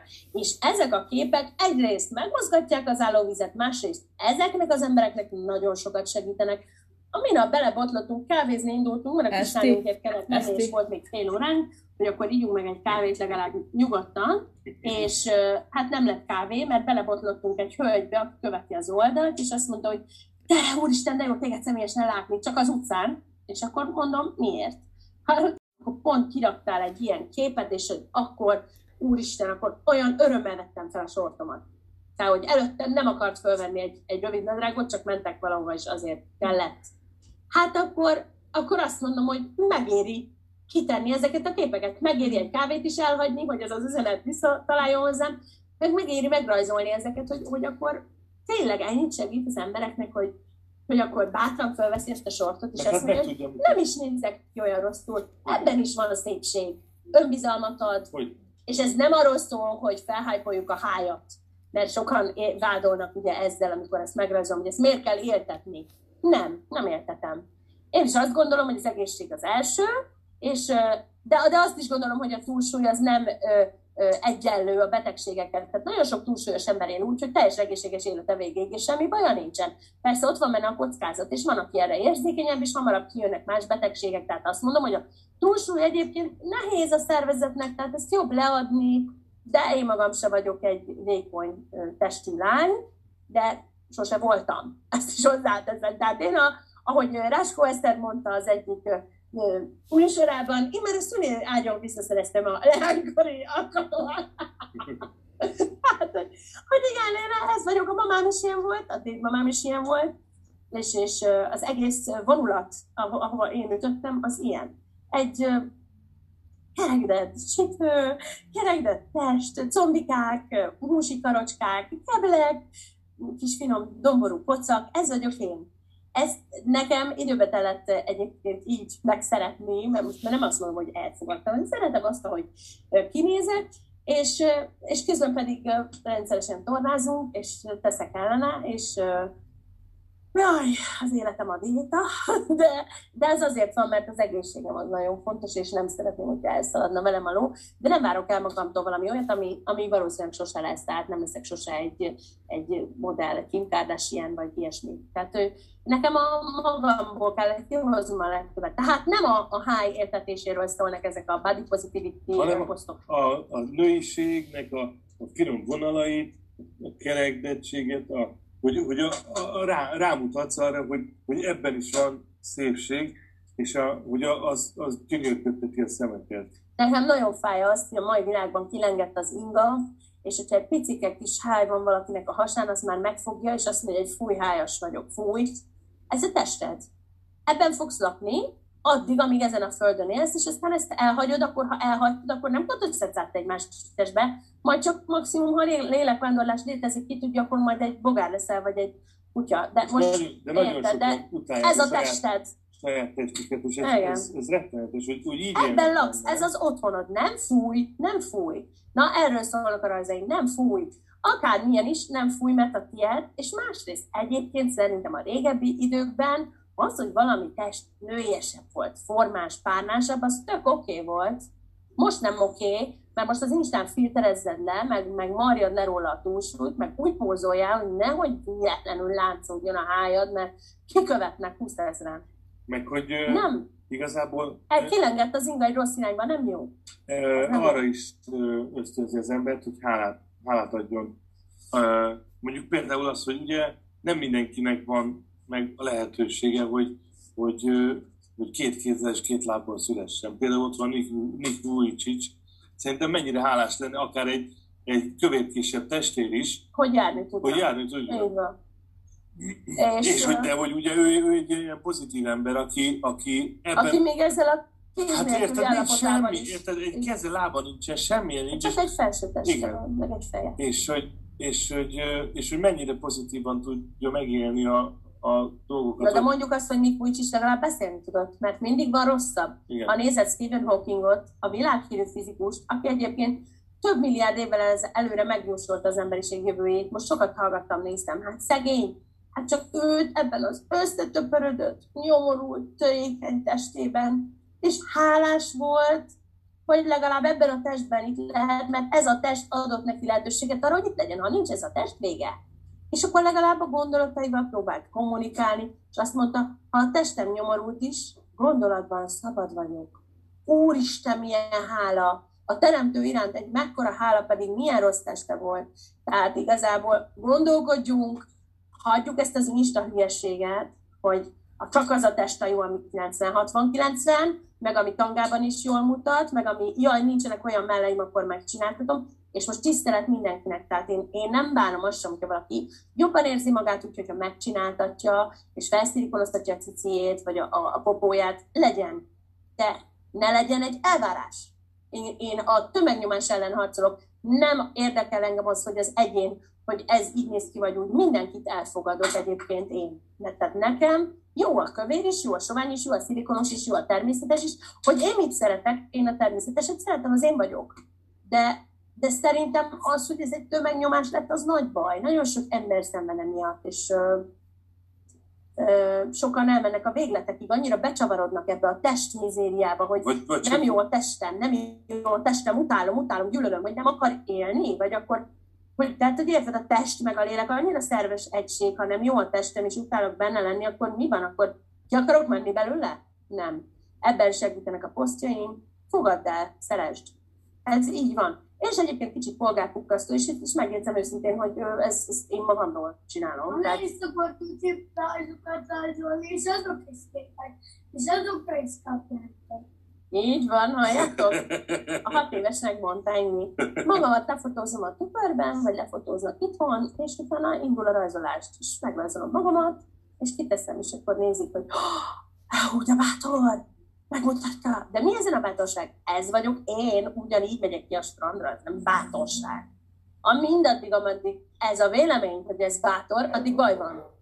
Miért kéne bátornak lennem ahhoz, hogy levetkőzzek? Azért, mert van egy elvárás, hogy te így igazából nem vagy jó, és te annak ellene mersz menni, hogy te nem vagy így jó, és mégis kimered mutatni a combokat, hogy te akkor mégis jó vagy. Nem! Ez nem bátorság, nem felvállalni kell, Egyszerűen csak élni kell abban, ami van. Aztán meg majd változtatunk rajta, ha sikerül.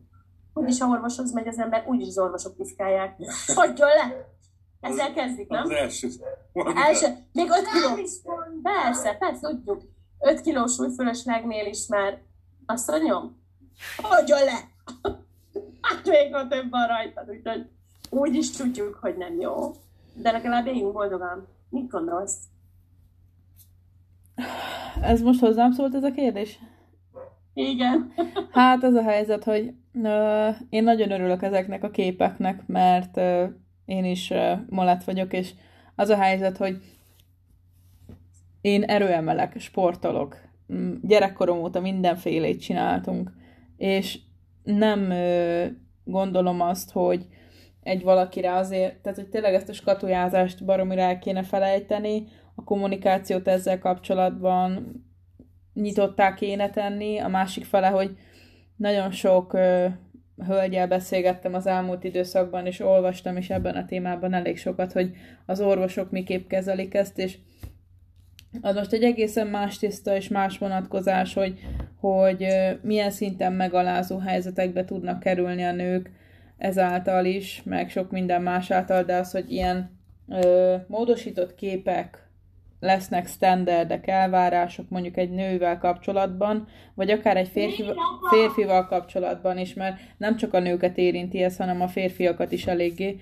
Ezek nem normálisak, nem egészségesek, és olyan jó látni, hogy erről van szó, beszéd, vannak akár a te képeid által illusztrációk, vagy fotók, tehát, hogy ez fontos, hogy szóvá szóváltássá legyen, és hogy tudjanak az emberek róla, és beszéljenek róla, gondolkodjanak róla, és hogy te is mondod, ne az legyen, hogy bátor valaki, aki fölvállalja magát, hanem legyen természetes. Nekem ennyi a gondolatom ehhez. Nagyon jó gondolat. És szerinted mikor fogunk eljutni oda, hogy ez természetes lesz? Hát az a helyzet, hogy amik, tudod, vannak ö, olyan dolgok, hogy mobiltelefon, meg ö, bármi, ami tehát, hogy, hogy mondjam neked, amíg lesznek olyan emberek, akik abból élnek meg, hogy eladják azt, hogy te csak bizonyos dolgok által lehetsz boldog, vagy hogyha te, ha fölveszel egy ruhát, vagy föl kensz valamit az arcodra, vagy ö, van valami tárgyad, ami státuszkóként van, mint szimbólum, és azáltal bekerülhetsz egy rétegbe, ami jobb, mint az átlag, addig ez nem fog megszűnni. És az emberek szeretik röghöz kötni a dolgokat, mert ahogy te is mondtad, a szabadság megélése az, az korlátok nélküli, és tudod, amikor az elfogadásnak ezt a részét próbálja az ember értelmezni saját magára, az munkába kerül. Beskatujázni valamit, vagy önmagunkat sokkal egyszerűbb, mert azon nem kell gondolkozni. Szerintem az tudod az, hogy az emberek spórolják maguktól is, és másoktól is a, gondolkodási időt és energiát, és én emiatt vagyok nagyon mérges sokszor, hogy ha csak annyit tennél meg naponta, hogy elismerő szavakat mondasz magadnak a tükörbe, vagy akár az, hogy megismerd magadat, arra szánnál időt, hogy neked mi esik jól, tényleg, hogy nézel ki, mik az elvárásaid magad felé, vagy mit szeretnél. Nem baj az, hogyha másokat látva inspirálódsz, hogy te is szeretnél mondjuk valami változtatni, de azt csak úgy tedd meg, hogy előtte megismerted magad, és meglátod, hogy mi az, ami belőled esetleg kihozható, és mondjuk azokat a dolgokat te előtérbe helyezed, mert azáltal, hogy magadba fektetsz energiát, azáltal nem csak a magaddal való időd is lesz minőségibb, hanem a másoknak adott energiád és időd is fog javulni minden szempontból. És én így gondolom. Igen, de az a baj az egésszel, a társadalommal, a nagy egésszel, hogy nem akarnak másoknak jobb minőségű energiát és jobb minőségű időt és jobb minőségű kapcsolatot adni. Tehát őket egyáltalán nem motiválja nagyon sok, sok tagját a társadalmunknak az, hogy mi van másokkal. Dögölje meg a szomszéd. Az önzés akkora lett, hogy én úgy érzem, hogy ezek a motivációs cikkek, motivációs posztok, nyilatkozatok szinte nem érnek célt, mert azok az emberek nézik, akik amúgy is elfelé érdeklődnek, és enélkül is csinálnák, és aki pedig nem érdeklődik, akinek tényleg szólna, az nem nézi. És a, és a képeim ö, ugyanez a helyzet, tehát hogy megnézi mindenki, a jó emberek jót írnak, aki pedig utálja az egész világot és csak magát szereti, az meg oda böfög valami rondát. Tehát én ebben látom, hogy ebből lenne változás. Azért tettem fel a kérdést, hogy szerinted mikor lesz, mert én igazából úgy csinálom ezt a küldetésemet, hogy én inkább csak azt, azt tartom szem előtt, hogy az inga másik vége legyen. Mert nagyon kilengett az inga egy rossz irányba, hogy legyen a másik vége is, de nem gondolom, hogy hogy tudnék ezen változtatni, érted? Mondjuk én már azt észrevettem, hogy sokkal több, mondjuk ezek a plusz Sokkal plusz size modell most már, igen. igen, tehát hogy, Most hogy vannak, Ők és is ez, próbálnak és változtatni. ez szerintem tök jó dolog. Szerintem is De- tök jó, már platform kell neki. Én is, a, ahogy te is, én is művész vagyok, csak én egy egész más irányvonal, és ö, én például karikatúrákat rajzolok, és én nekem az egyetlen célom az alkotásaimmal, hogy megnevettessem az embereket, hogy egy ilyen kicsit kifordított képet mutatva nekik tudjanak önmagukon nevetni, vagy egy szituáción nevetni, és már a kiskutyától a macskáig sok mindent rajzoltam, embereket is, családokat is, és olyan jó tudod, amikor látja az ember, hogy azokat a pozitív energiákat ők ezt értékelik, és, és elgondolkoznak rajta, hogy tényleg mondjuk, hogyha nem csak azon lehet nevetni, hogy még valakinek nagyobb borot rajzolok, hanem azon, hogy bizonyos szempontból, hogy én hogy látom őket, elgondolkoznak saját maguk is, hogy, hogy jé, ez az ember egész másképp gondolkodik rólam, mint amit én elképzelek magamról, vagy amit abból a katyvaszból raktam össze, amit mások mondanak rólam. Hát ez igazából megint a gondolkodásos serkentés, ez jó szerintem. Igen, nekem például ezért Minden, tetsz- minden, igen. minden kell, vagy minden jó, ami egy picit más, ami egy picit értelmes. Azt hiszem, hogy, hogy ilyen világot élünk, és, és igazából e, nekünk van nehéz küldetés, akik vállalják azt, hogy szembe mennek az árral, és próbálnak ebben az egész nagy társadalmi nyomásban, áramlatban, ebben a buta közegben, mert nagyon buta, nagyon egyoldalú közegben valami csillogás, valami gondolatot, valami értelmet adni. Nagyon nehéz ez a küldetés. Néha egyébként el is fáradok benne, de aztán kapok egy visszajelzést pont aznap, mikor azt mondom, hogy na jó, van, hagyjuk ezt. És akkor azt mondja, hogy de hát, úristen, fantasztikus, van. de akkor ezekért a kis halakért, akik véletlenül oda tévednek, és nekik meg ez a minden, akkor ezeket csinálni kell.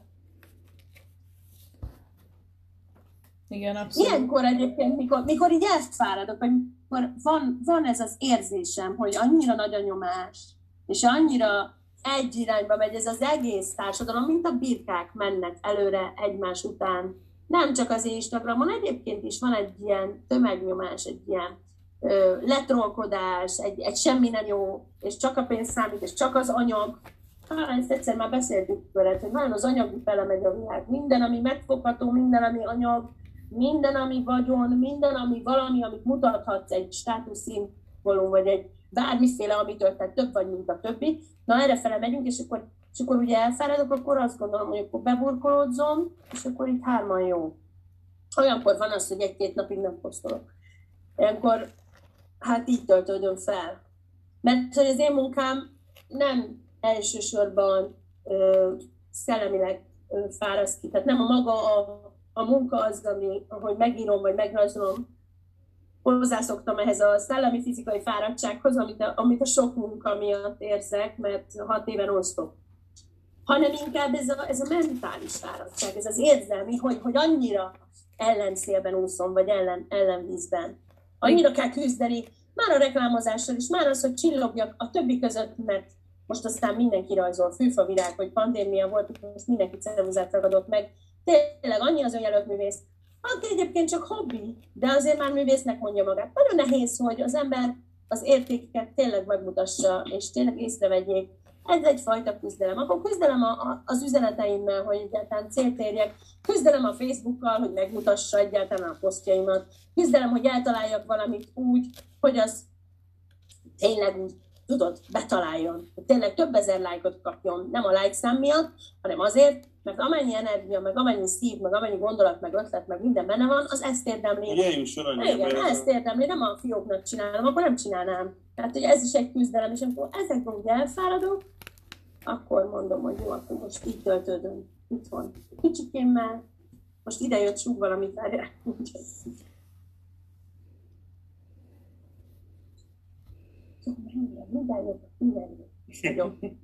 Itt vagyok, hát nálunk már itt nudi van. Megy a ventilátor, nagyon meleg van, és nudizik. Egy szábúgyiban rohangál. Szóval, hogy, hogy, hogy akkor így jó nekem a, a kislányommal, megölelgetem, megpuszilgatom, akkor leülünk, LPS-ezünk, vagy mit tudom, hogy mit csinálunk, crybabyzünk, előveszünk ezeket a kis teljesen ártatlan játékokat, belemegyek ebbe a mesevilágba, és elfelejtem ezt a harcot. Ez egy csatatér, amiben én vagyok. Kérdezhetné bárki, hogy jaj, hát de csak rajzolsz meg ész, hát ez egy szép világ. Igen, az, hogy, hogy ez egy szép világ, az egy nagy küzdelem árán születik.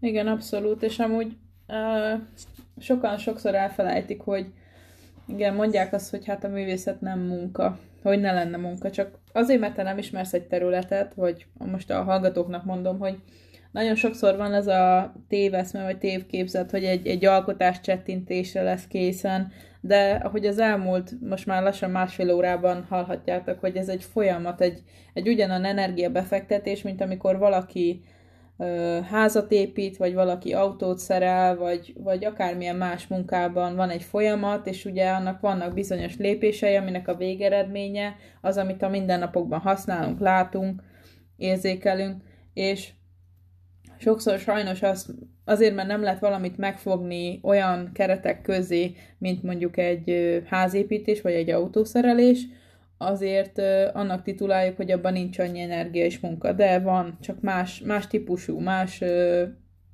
közeg abszolút. És azért örülök, hogy ezek elhangzanak, mert nekem szívem ugye főleg a magyar művészeti közeg, meg amúgy is, hogy ez az üzenet átjöjjön, hogy a művészet is munka, energia, csak értsük meg azt, hogy más szinteken van ez, és más, más energiák, más eszközök szükségesek a kivitelezéshez. Ennyi. Hát amikor megélhetés szinten csinálod a művészetet, tehát csinálod azért, mert, mert meg kell élned, mert meg kell venned a kenyeret, mert neked is ki kell fizetned azokat a nyomvat számlákat, ami minden hónapban jelentkezik, mint egy sárkány, meg kell letetned a szörnyeidet, hogy úgymond ezt előteremtened kell a művészetből, akkor nagyon-nagyon fontos, hogy elismertesd azt, hogy ez valóban munka, és ennek van értéke. Viszont van egy másik oldala, amikor azt mondod, hogy ez az én vigaszom, és leszarom, már bocsánat a kifejezését, hogy ki mit mond, és hogy valakinek ez most munka, értéknek tartja, vagy nem, csinálom azért, mert én akarom csinálni. És ez egy olyan felszabadító érzés, hogy én igazából nagyon vágyom arra, hogy a művészetet egyébként csak így önmagáért, a saját vigaszomért, a saját boldogságomért, a saját örömömre csinálhassam, csak azért, mert nekem tetszik. Valaki írta tegnap egy kommentbe, hogy hú, ez a film olyan jó, hogy nem tudom, hogy ezt hogy fogod überelni. Hát nem válaszoltam rá, de magamban azt éreztem, hogy nem, nem akarom überelni. Nem akartam eddig sem überelni egyik munkámat sem a másikkal, és ezt sem akarom semmivel überelni. Mindent azért csinálok, mert éppen abban a pillanatban úgy érzem, hogy ezt csinálnom kell. És nagyon lehet kijön abból, amit most próbálok elmondani, hogy nagyon igyekszem, hogy a művészetnek ez a fajta vigaszadó szabadság érzete megmaradjon számomra, amelyben nem számít az, hogy ki tartja munkának, ki tartja értéknek, vagy ki nem tartja annak. Mindazonáltal, hogy tudom, hogy igenis munka, igenis érték, és igenis a társadalommal ezt is el kellene fogadtatni, és ez is egy küldetés, és ez is egy szinte lehetetlen küldetés az anyagi miatt. Mert anyagi világban élünk, és mert annyira az anyagiak számítanak most. Milyen autód van, milyen ruhád van, milyen ékszered van, hova utazsz. Tehát, hogy ez meg megint csak egy anyagi dolog, ez a tartalom, ez a, ez a fajta teremtés, hogy, hogy a semmi nincs, és egyszer csak lesz. És ezt nem igazán értékelik. Tehát igenis egy küldetés ezt elfogadtatni, és ez nagyon jó, hogy ezért te teszel, és ez neked fontos. És, és viszont szerintem érted a másik végét is, hogy, hogy ebben is el lehet fáradni, és akkor azt mondom, hogy nem érdekel, mert a művészetnek van egy olyan része is, ami miatt csinálom, ami örömet okoz. Hogy ezt soha nem akarom elengedni, hanem mindig odafigyelek arra, hogy legyen nekem ebben örömöm, szenvedélyem. Igen. Ahogy tetszik. Igen, és ez nálad szerint, tehát hogy nagyon jól átjönnek ezek az alkotásaidon keresztül szerintem, vagy számomra biztosan. Ha már az alkotásokról szó esik, akkor tudnál mesélni nekünk a Portré varázslatok című alkotásokról, tehát ahol ilyen egyedi képmegrendelésekről van szó, ahol a kutyáktól a családokig olyan szerettek ábrázolásáig, akik már sajnos nem lehetnek az adott családdal, hogy ezek hogyan indultak, és hogy ezek miről szólnak számodra? Hát ez hat évvel ezelőtt indult, amikor a kislányomat lerajzoltam ilyen rajzfilmes módon, és bezsongott a nép, és utána elkezdtek írni nekem, és elöntötték a postáldámat a levelek, és onnantól kezdve nem volt megállás, hat éve éjjel-nappal rajzolom a portrévarázslatokat, és nagyon sok embernek segítek feldolgozni eseményeket az életükben, vagy pótolok olyan hiányokat, ami nem volt, például nem volt jó esküvői fotózás, akkor én, én megcsinálom nekik, mintha lett volna egy gyönyörű képet. Lehet kérni, hogy a haj máshonnan legyen, az arc máshonnan legyen, és így, így a legelőnyösebb, a legtökéletesebb kép lesz, amit csak szeretnének. Valaki azt mondta egyszer, sorsokat rajzolok meg, és ez tényleg így van ez több, mint portré, tehát itt akár a dédnagymamától leheti az unokáját, úgyhogy sosem találkoztak az életben. És ezzel megajándék a férjét, aki pedig sírva fakad, hogy a nagymamáját így látja a kis gyermekével. Tehát olyan sorszerű, olyan, olyan nagyon mélyre nyúló képek ezek, az életekbe nyúlhatok bele, és csinálhatok valamit, ami talán gyógyít, ami ad valamit pluszt, ezt, ezt nagyon értékelik az emberek. Tehát és képzeld hogy az azért... Ez nem kérdés számukra, hogy, hogy ez pótolhatatlan, ez, ez kell. Hogy az az érdekes, hogy ma a 21. században, ahol a zsebedben van egy olyan telefon, ami fantasztikus képeket csinál, tökéletes kell, és, le, és milyen gyönyörű éles képeket, és minden, és, és úgy, hogy, úgy hogy, hogy Dunát lehet rekeszteni a fotósokkal, általában az embereknek, még a, még a leggazdagabbaknak Nincs normális fotójuk. Tökéletes Nincs. fotójuk, ami, amiben tényleg a legjobb arcot vágja a gyerek. A legjobb ruhát. Hogy igen. igen. Hogy, hogy elküldenek egy gyönyörű fotós által készített képet, és azt mondja, nem tetszik se az arcom, se olyan nem volt jó kedvünk. Tehát kellek, kellek nekik, és kicserélem akkor az arcot, és átrajzolom, és akkor legyünk már más ruhába, és akkor essen már a mögöttünk de akkor rakjuk már a kutyát is, mert ő se volt ott. Tehát, hogy annyira nagy az igény arra, hogy az emberek akarnak tényleg egy szép emléket, ami örökre megmarad. Ballagásra, kisfiúnak, az édesapja meghalt évekkel ezelőtt, és, és megkapta ajándékba, hogy átölelik egymást, és úristen sírva fakadt, és, és az egész család írt, írt nekem a, a megrendelő, hogy az egész család azt üzeni, hogy ez nem teli találat ajándék, hanem ez százszor teli találat ajándék, hogy mindenki elsírta magát, tényleg, hogy úristen, ott van az apuka is a ballagáson. Na, vagy, szóval vagy, ilyenek. Vagy volt olyan esküvő, hogy a, sajnos az előző évben ö, a papa meghalt, és ezért kellett csúsztatni egy évet az, az esküvőt, és, ö, és hogy, hogy kapott egy olyan képet, hogy a mennyasszony mellett ott áll a papa. És hogy... hogy és hát ott elsírt, és, két, és képzeld el, hogy 250 ember ö, ö, megnéz, vég, így körbeadták a képet, a készképet a, a rásznék körül, és több, több levelet kaptunk ö, vissza, hogy, hogy köszön... Még a, még a mennyasszony testvére is írt, meg a mennyasszonynak a rokonai, hogy, hogy én meg a mennyasszony rokona, hogy csak köszönjük ezt az élményt. Ez nagyon megrázó volt, hogy, hogy az egész népet megrázta. Ugye, mert tudták, hogy, hogy miért kellett csúsztatni egy évet a, a, az első De hogy így mégis ott volt a papa. Ez egy csoda. Ja akkor olyan, olyan is van, hogy egyszerűen csak vágyik egy család valahova, vagy sosem jutottak el tengerpartra, vagy, vagy egy, egy amerikai brancsra szeretnének majd kiköltözni, de még nem jut össze a pénz, és megcsináltatja a feleség a férnek, és kirakják otthon, és ebbe kapaszkodnak, hogy, hogy akkor el tudják érni, hogy látják maguk előtt minden nap. Tehát egy ilyen sos, sos változtató kép, vagy, vagy van egy lány, aki mondjuk sose tetszett magának, és küld magáról egy ilyen fehér neműs dundi fotót, és elrajzolom, és akkor úristen, végre szépnek látom magam. Tehát tényleg sorsok, és félek vagyunk, annyiféle történet egy-egy kép, úgyhogy a portrévarázslat az, az mindig nekem egy ilyen szép emlék lesz, hogyha egyszer már nem fogom csinálni, akkor is arra gondolok majd, hogy, hogy ez milyen nagy dolog, hogy ennyi embernek segítettem. Hogy sokan az új ö, házukat, lakásukat ilyen lakássavatóként kérik, vagy hogy, tehát, hogy hogy ezzel avatják fel az új, új helyüket, hogy, hogy a nappali közepére egy olyan kép, ami őróluk szól, házról szól, és hogy, hogy ez, ez mint egy éke a, a, a családi házba. És hát nagyon sokan kezdték másolni, amit csinálok, tehát erről említést kell tennem. Most ezúttal is üzenem, a véletlen a hallgatóink közt van ilyen, aki ez, ezt elkezdte másolni, ezt a metodikát, meg ezt a rendszert, amit én felépítettem, hogy tudok róla, és nem örülök neki, és az a véleményem, hogy mindenki kaparja ki a maga gesztenyét, és ez nagyon nehéz volt ezt az egészet felépíteni így önerőből hat év alatt, és nem szoktam válaszolni azokra a levelekre, akik mindenféle információt akarnak kiszedni belőlem, hogyan kell, mint kell, hogy csináltam, nem válaszolok, úgy gondolom, hogy nagyon-nagyon megszenvedtem ezért, és és a, aki portrévarázslatot szeretne, annak meg azt üzenem, hogy az eredetinél nincs jó.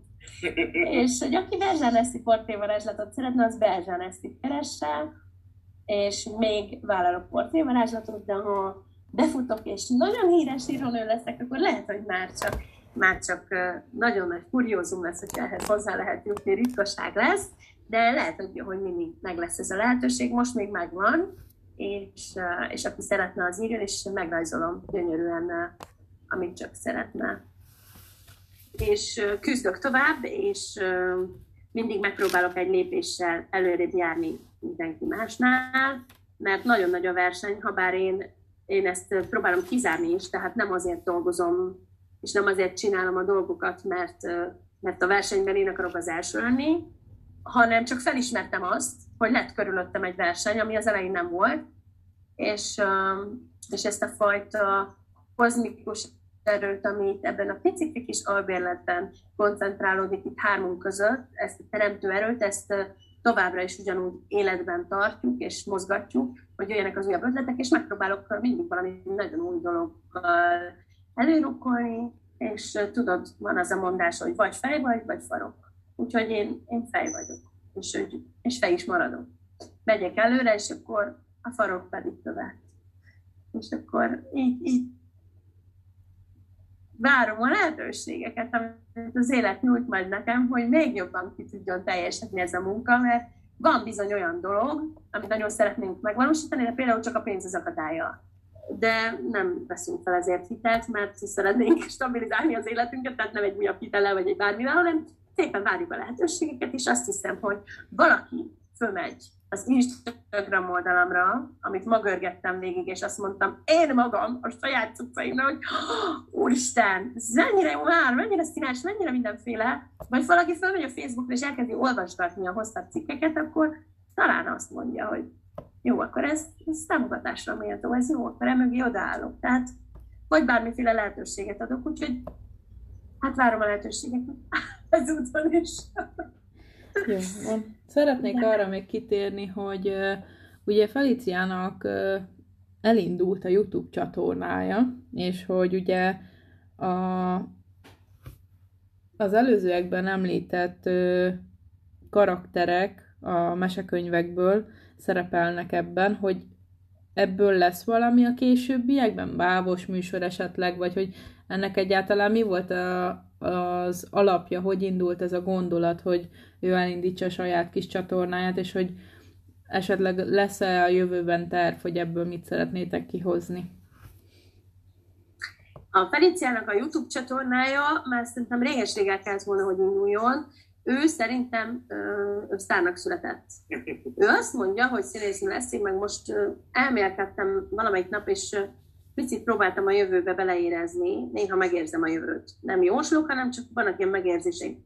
És úgy érzem, hogy mintha a divat irányába menne, vagy, vagy lesz neki akár saját ruhamárkája a kézügyességével, vagy de hogy maga ez a színésznősködés, ez szerintem ott lesz, tehát ő, ő, ő a világszínpadára született, és annyira lebilincselő a személyisége, hogy ezekben a kis videóiban is, amit eddig kitettünk, eddig jóformán családi vlogok vannak kint, illetve játszunk LPS figurákkal, mert ilyen vegyes lesz ugye ez a, a csatorna, lesz mindenféle, de hogy már ebből az jön le, az embereknek is, is írják, hogy annyira cuki a Felici, és annyira lehet rajongani érte, hogy, hogy olyan szerethető, tehát kell neki, és, és ezért lett egy, egy YouTube csatornája.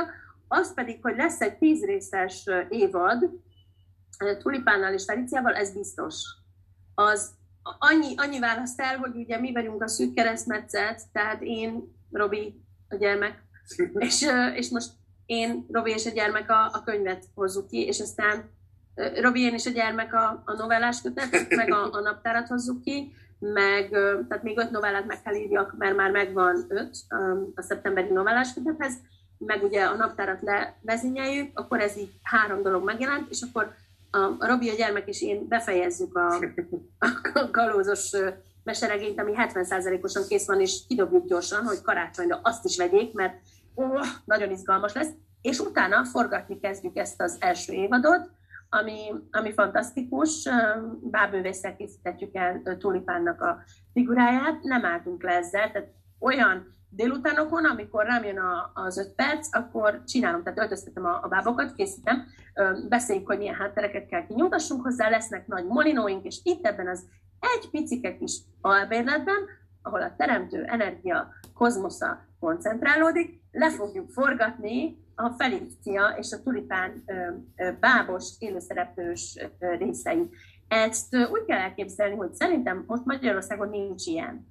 Ez olyasmi lehet, mint régen az Elmó volt, vagy ismered azt a, azt a Muppet Back show vagy, vagy mint, talán mint a, a Mrs. Duckfire, tehát a tűz volt te uh, uh, néni a, a filmben, a Robin Williams a végén egy bábbal játszik, ő egy fotában ül, és beszél ezzel a majombábbal a tévéműsorában. Tehát ilyesmi lesz a Felicia és a Tulipán, együtt jelennek meg. Felicia, mint élőszereplős, minden részben különböző ruhákat viselő, habos, gyönyörű, kívánatos király, és ez mint egy Disney. És, és Tulipán a, az életre kelt rajzfilm cica, bábként beszélgetnek, és mindenféle témákat fölvetnek, és utána elhomályosul a kép, egy fuvallat, és belekerülünk magába a mesébe. És a mese pedig ö, pici, ö, 20 centis, 15 centis száradós gyurmából megmodellezett kircicákkal kifestett, tökéletesen gyönyörűen megmutatott kircicákkal, és az ő, ő mesébeli beli partnereikkel együtt egy eljátszott mese háttérrel, és akkor elbábozzuk és fölveszünk a hanganyagot, és effektezzük, és zenét írunk hozzá, és utána visszamegyünk a kerettörténetbe, és Felicia és Tulipán beszélgetnek, még aztán elbúcsúznak, de a Molinót is úgy képzeld a hátteret mögöttük, hogy egy ilyen havas, mesebeli világ, vagy éppen egy nyári tengerparti világ, teljesen elvarázsol, mintha zöld háttér előtt vennéd meg, és mögé vetítenéd ezt a tájat. Tényleg azt kell képzelni, hogy ez egy, egy nagyon profin kivitelezett, leforgatott, tényleg egy komplet film lesz, első, második, tizedik résszel, és nem tudom, hogy a Felicia csatornájára fog-e felkerülni, vagy egy újra én azt gondolom, hogy egy új csatornára fog felkerülni, aminek az lesz a, a címe, hogy a két cica, és akkor oda fognak felkerülni még más két cica mese részek is, illetve az én csatornámról is átkerülnek majd a két cicák, tehát csinálunk egy két cica világot, ezt az egész mesebeli világot szeretném megteremteni, ennek egy kultuszt adni, egy, egy imádást az embereknek, rajongónak, és a gyerekek újra meg újra menjenek vissza, és nézzék meg a meséket, mert fogják szeretni, és akkor szépen a mesekönyveket ennek a farvizén szétszórom a magyar gyerekek közt, és minden otthonban ott lesz, és ez a tervem. Úgyhogy a filmek ö, fognak utat szántani a könyveknek, a Felicia és a kis könyveknek. Ez így lesz, és ö, a Felicia csatornáját pedig egy ilyen vlognak szeretnénk.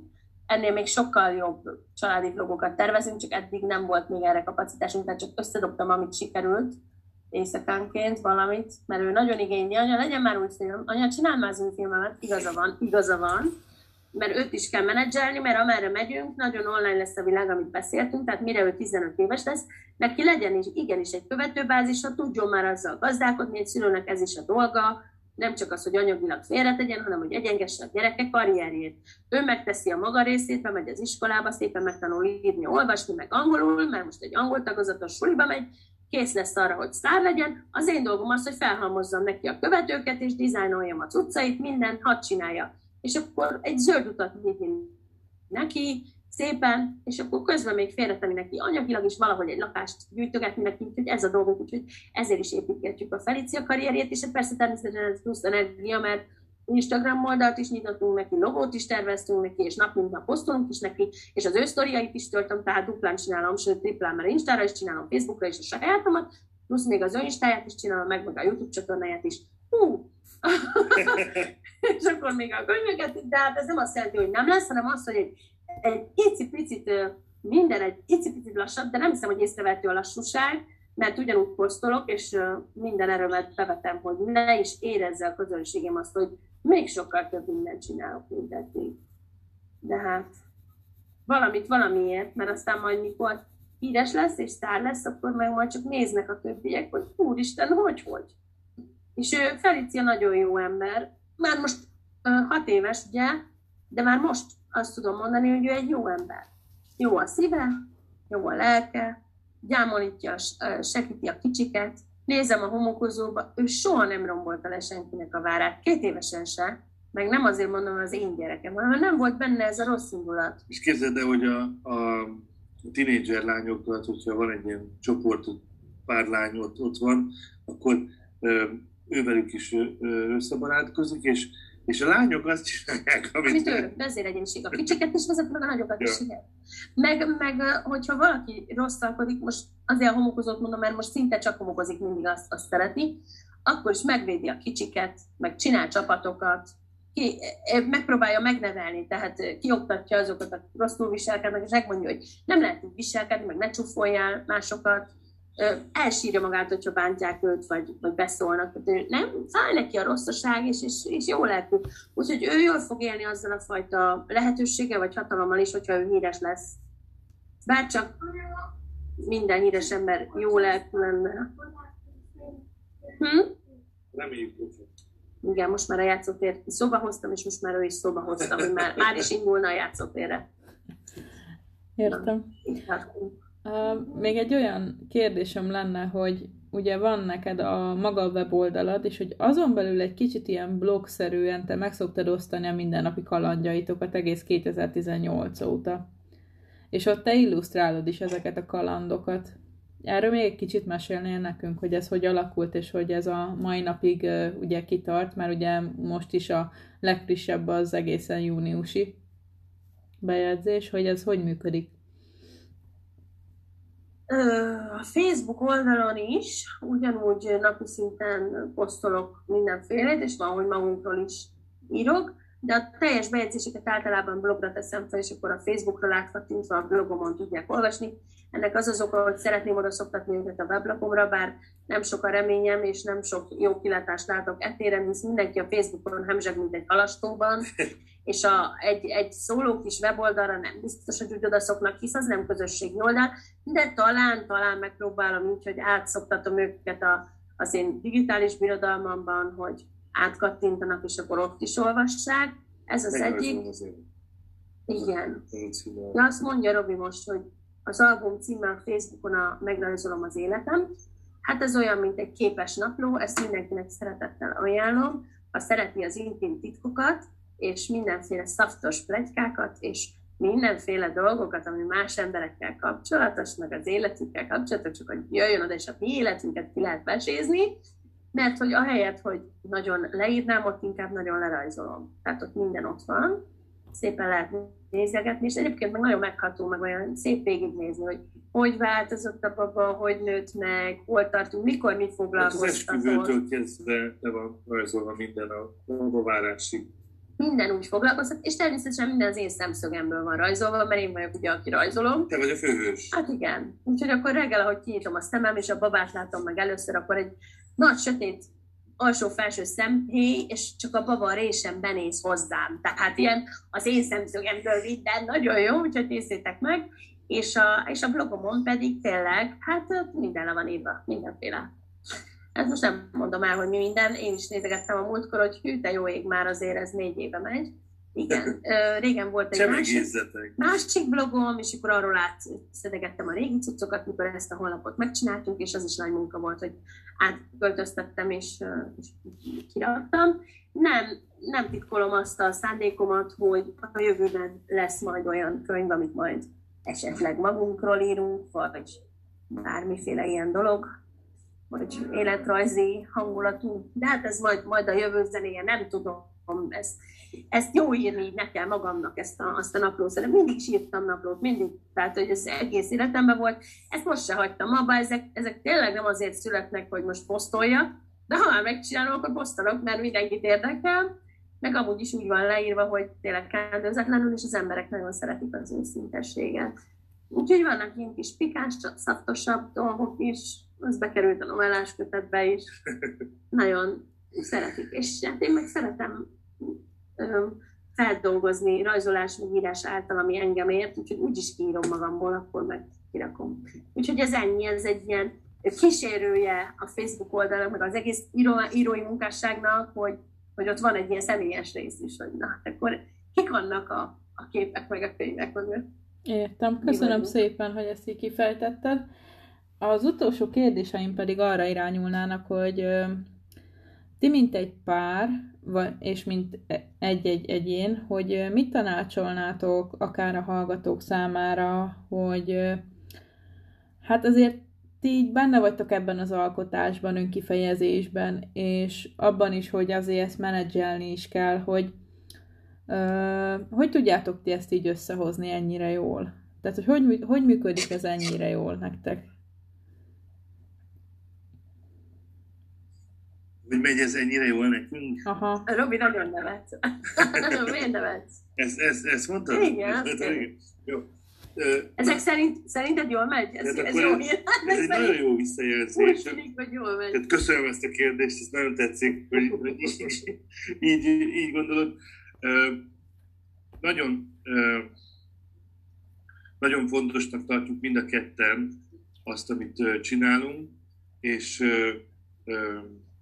én, én, én különleges módon ö, ö, ö, értékesnek tartom ezt, meg minden egyes ö, ö, mozdulatát, mármint hogy úgy írását és, és, és, és rajzát, és, és, és igazából hát mondjuk azt, hogy nincsen szünet, tehát hogy, hogy a, minden, minden egyes időt arra, hogyha nem fizikailag nem csinálok valamit, nem írok egy posztot, vagy nem, nem szerkeztek egy, egy, mit tudom, egy hirdetést, vagy nem, nem valakivel levelezünk, hogy akkor is azon gondolkozunk, hogy, hogy hogyan tudnánk előrébb menni, hogyan tudnánk több emberhez eljutni, és hogy, hogy, hogy hogyan tudnánk az emberekre egy kicsit rá rezonálni, hogy, hogy ő, ő, ő hozzájuk hogyan tudjuk még jobban eljutni. És, de tényleg... pártként hogy működünk ebben ilyen jól együtt, az volt a kérdés. Ja. Hát... Ezt te, ezt te voltál, mint egyén benne. Én mondom, hogy ugyanez vagyok. Akkor, akkor... akkor ezért. Mind a kettőnek ugyanolyan fontos ez a, ez a dolog. Tehát, hogy ez nem csak egy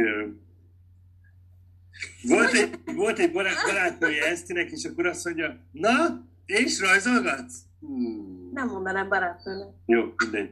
De hogy, de hát, hogy, hogy, hogy de hát ez nem ennyi. Ez nem, ez nem csak rajzolgatás, meg írogatás, hanem, hanem ez egy komoly, komoly munka. Tehát egy komoly szerkesztői dolog kitalálni. Tehát ugye a, a semmiből hozzuk elő ezeket a képeket, vagy ezt és az írásokat is ugye meg kell, mondjuk ez olyan, mint egy szülés, meg kell szülni ezeket a dolgokat, és ez... ez a pénzért nem... csináljuk? Ez egy jó kérdés. A pénzért csináljuk? Hát, Tehát, hogyha milliárdos lennél hirtelen, és megnyernéd a lottót, ugye, ugye Judit? Ez egy jó kérdés. Igen, Akkor igen. ugyanezt csinálnád, amit most, vagy nem? Vagy valami mást? Szerintem erre mi ketten másfajta választ fogunk adni. Ez az én tippem. Én, én, az elmúlt 15 év alapján. Jó.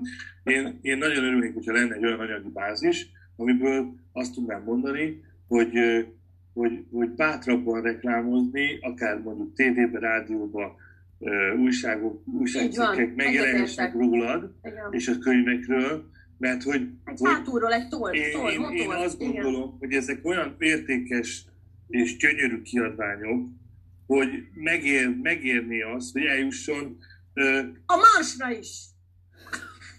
Igen, 10, 20, 100 ezer ember is meg tudja venni, hogy, hogy csak a lehetősége ö, ö, tehát, hogyha lenne ennyi pénzed, akkor nagyon beletolnád a reklámba. Így van, így. Én azt válaszolnám, hogy én ugyanezt csinálnám. Hát én gondolkodás nélkül ezt válaszolom most, és ha meg lesznek a milliárdok, akkor is azt fogom mondani, hogy én pont azt csinálom most, amit csinálni akarok, a- akkor is, hogyha nem kell nekem a megélhetésért rajzolnom, Annyi kivétellel, hogy nem fogok a megélhetését rajzolni. Nem fog szolgáltatást végezni, hanem írni fogok és rajzolni azt, amit én akarok, és úgy, ahogy én akarom. És az a világ boldogsága lesz, mert nagyon fogják élvezni az olvasói. Hát én ezt fogom akkor is csinálni, de szerintem Robi építkezne, szerintem más csinálna. Hát mellette épp Mást, igen. lehet, hogy lakásokat csinálnék, vagy tetőtereket, ilyen, ilyen tetőtereket építenék be, de de az egy dolog, attól még ez nekem ugyanolyan nagyon-nagyon-nagyon Tudom, fontos. könyvkiadó lennél, szívügyed.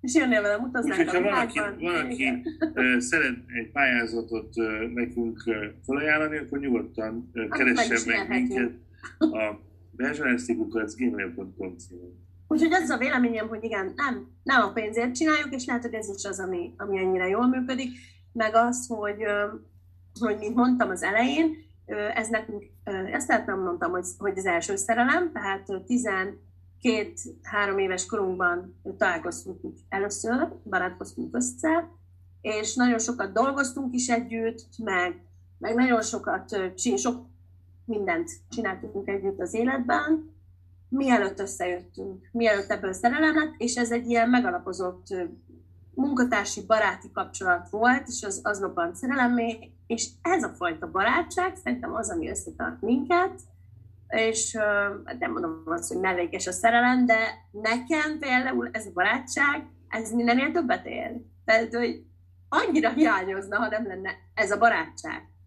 És ezzel most nem azt mondom, hogy ez nem szerelem, ez, ez a szerelem, szerelem szerelem, szerelme, ami van, mert ez egy ilyen csodálatos varázslat, de még tart, hogy egy ilyen kislányunk született, tehát ő, ő tényleg mindenki azt mondja, hogy hú, de szerelembaba, tehát tényleg mind a kettőnkre hasonlít, tényleg egy csoda, virágzás és minden, de mégis azt mondom, hogy az egész szerelemnek az alapja a barátság. Tehát, hogy mi lelkitársak is vagyunk, ami ugye nem mindig jár együtt a szerelemmel, tehát azt látjuk, hogy sokan vannak, akik nagy szerelembe esnek, de a lelkitársak nem találják meg. Hát én vele biztos, hogy nem tudnék együtt dolgozni, pedig a... Van egy ilyen ismerősünk. Ugyanúgy. Még a feleségéről beszél. Rajzol, rajzol a csaj, de hogy, hogy a férje azt mondja, hogy hát, hogy nem, hát, nem. Vannak, akik nem, és hát ezt is tiszteletben tartjuk. Van, aki bír együtt dolgozni, van, aki nem bír. Hát mi bírunk.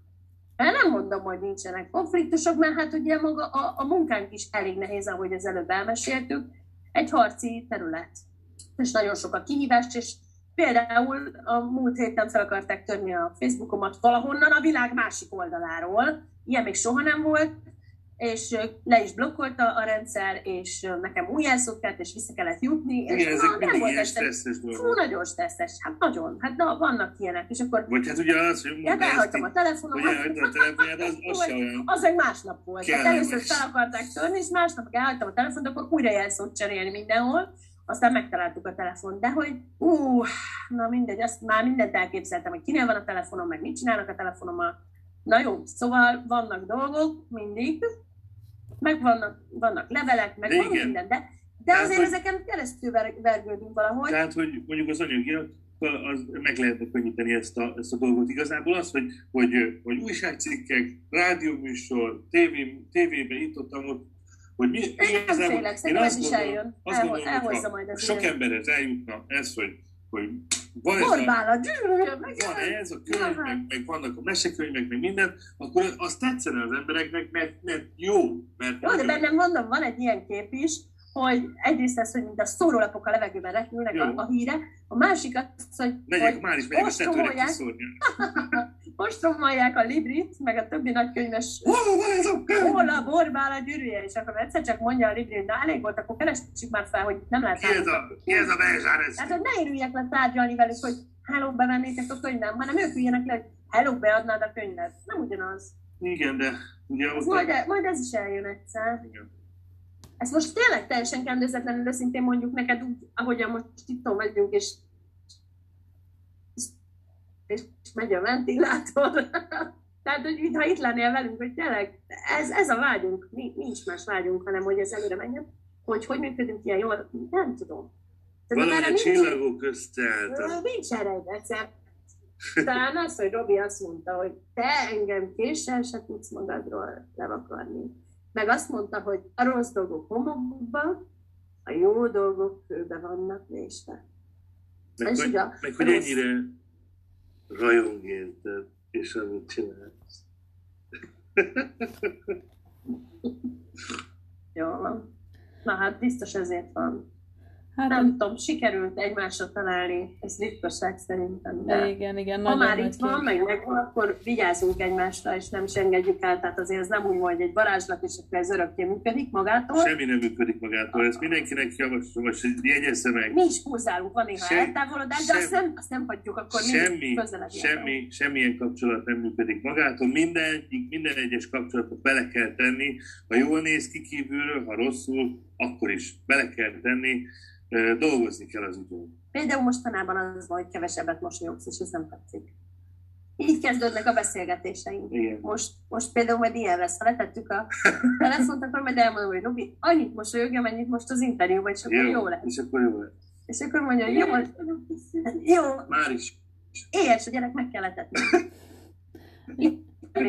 Sütit akar enni, nem értjük miért. Kész, süti. Egy süti baba. Ja, megkívánta a meséből, amit néz, jó van. Azt a mindenit. Micsoda kifejezések. Nem semmi. Azért örülök neki, hogy így egymásra találtatok, és örülök annak, hogy másoknak is ez, ezeket a pozitív energiákat így sikerült átadni. Én nagyon köszönöm, hogy elfogadtátok a meghívást a beszélgetésre, és kívánom, hogy minél több emberhez jussanak el az alkotásaitok, meg a minden, amit a következő években fogtok kihozni, meg azután is. És ö, tényleg annyira jó látni azt, hogy így egységként együtt tudtok alkotni, és kifejezni magatokat, és hogy ezáltal ilyen csodás dolgok jöhetnek létre, akár a képek, akár a novellás gyerekkötetek, tehát hogy ez szerintem fantasztikus dolog. Köszönöm szépen. Hát, Nem mi köz... köszönjük a lehetőséget, szívesen legközelebb is. Jó. További szép napot kívánok nektek is, és a hallgatóknak is, és sziasztok!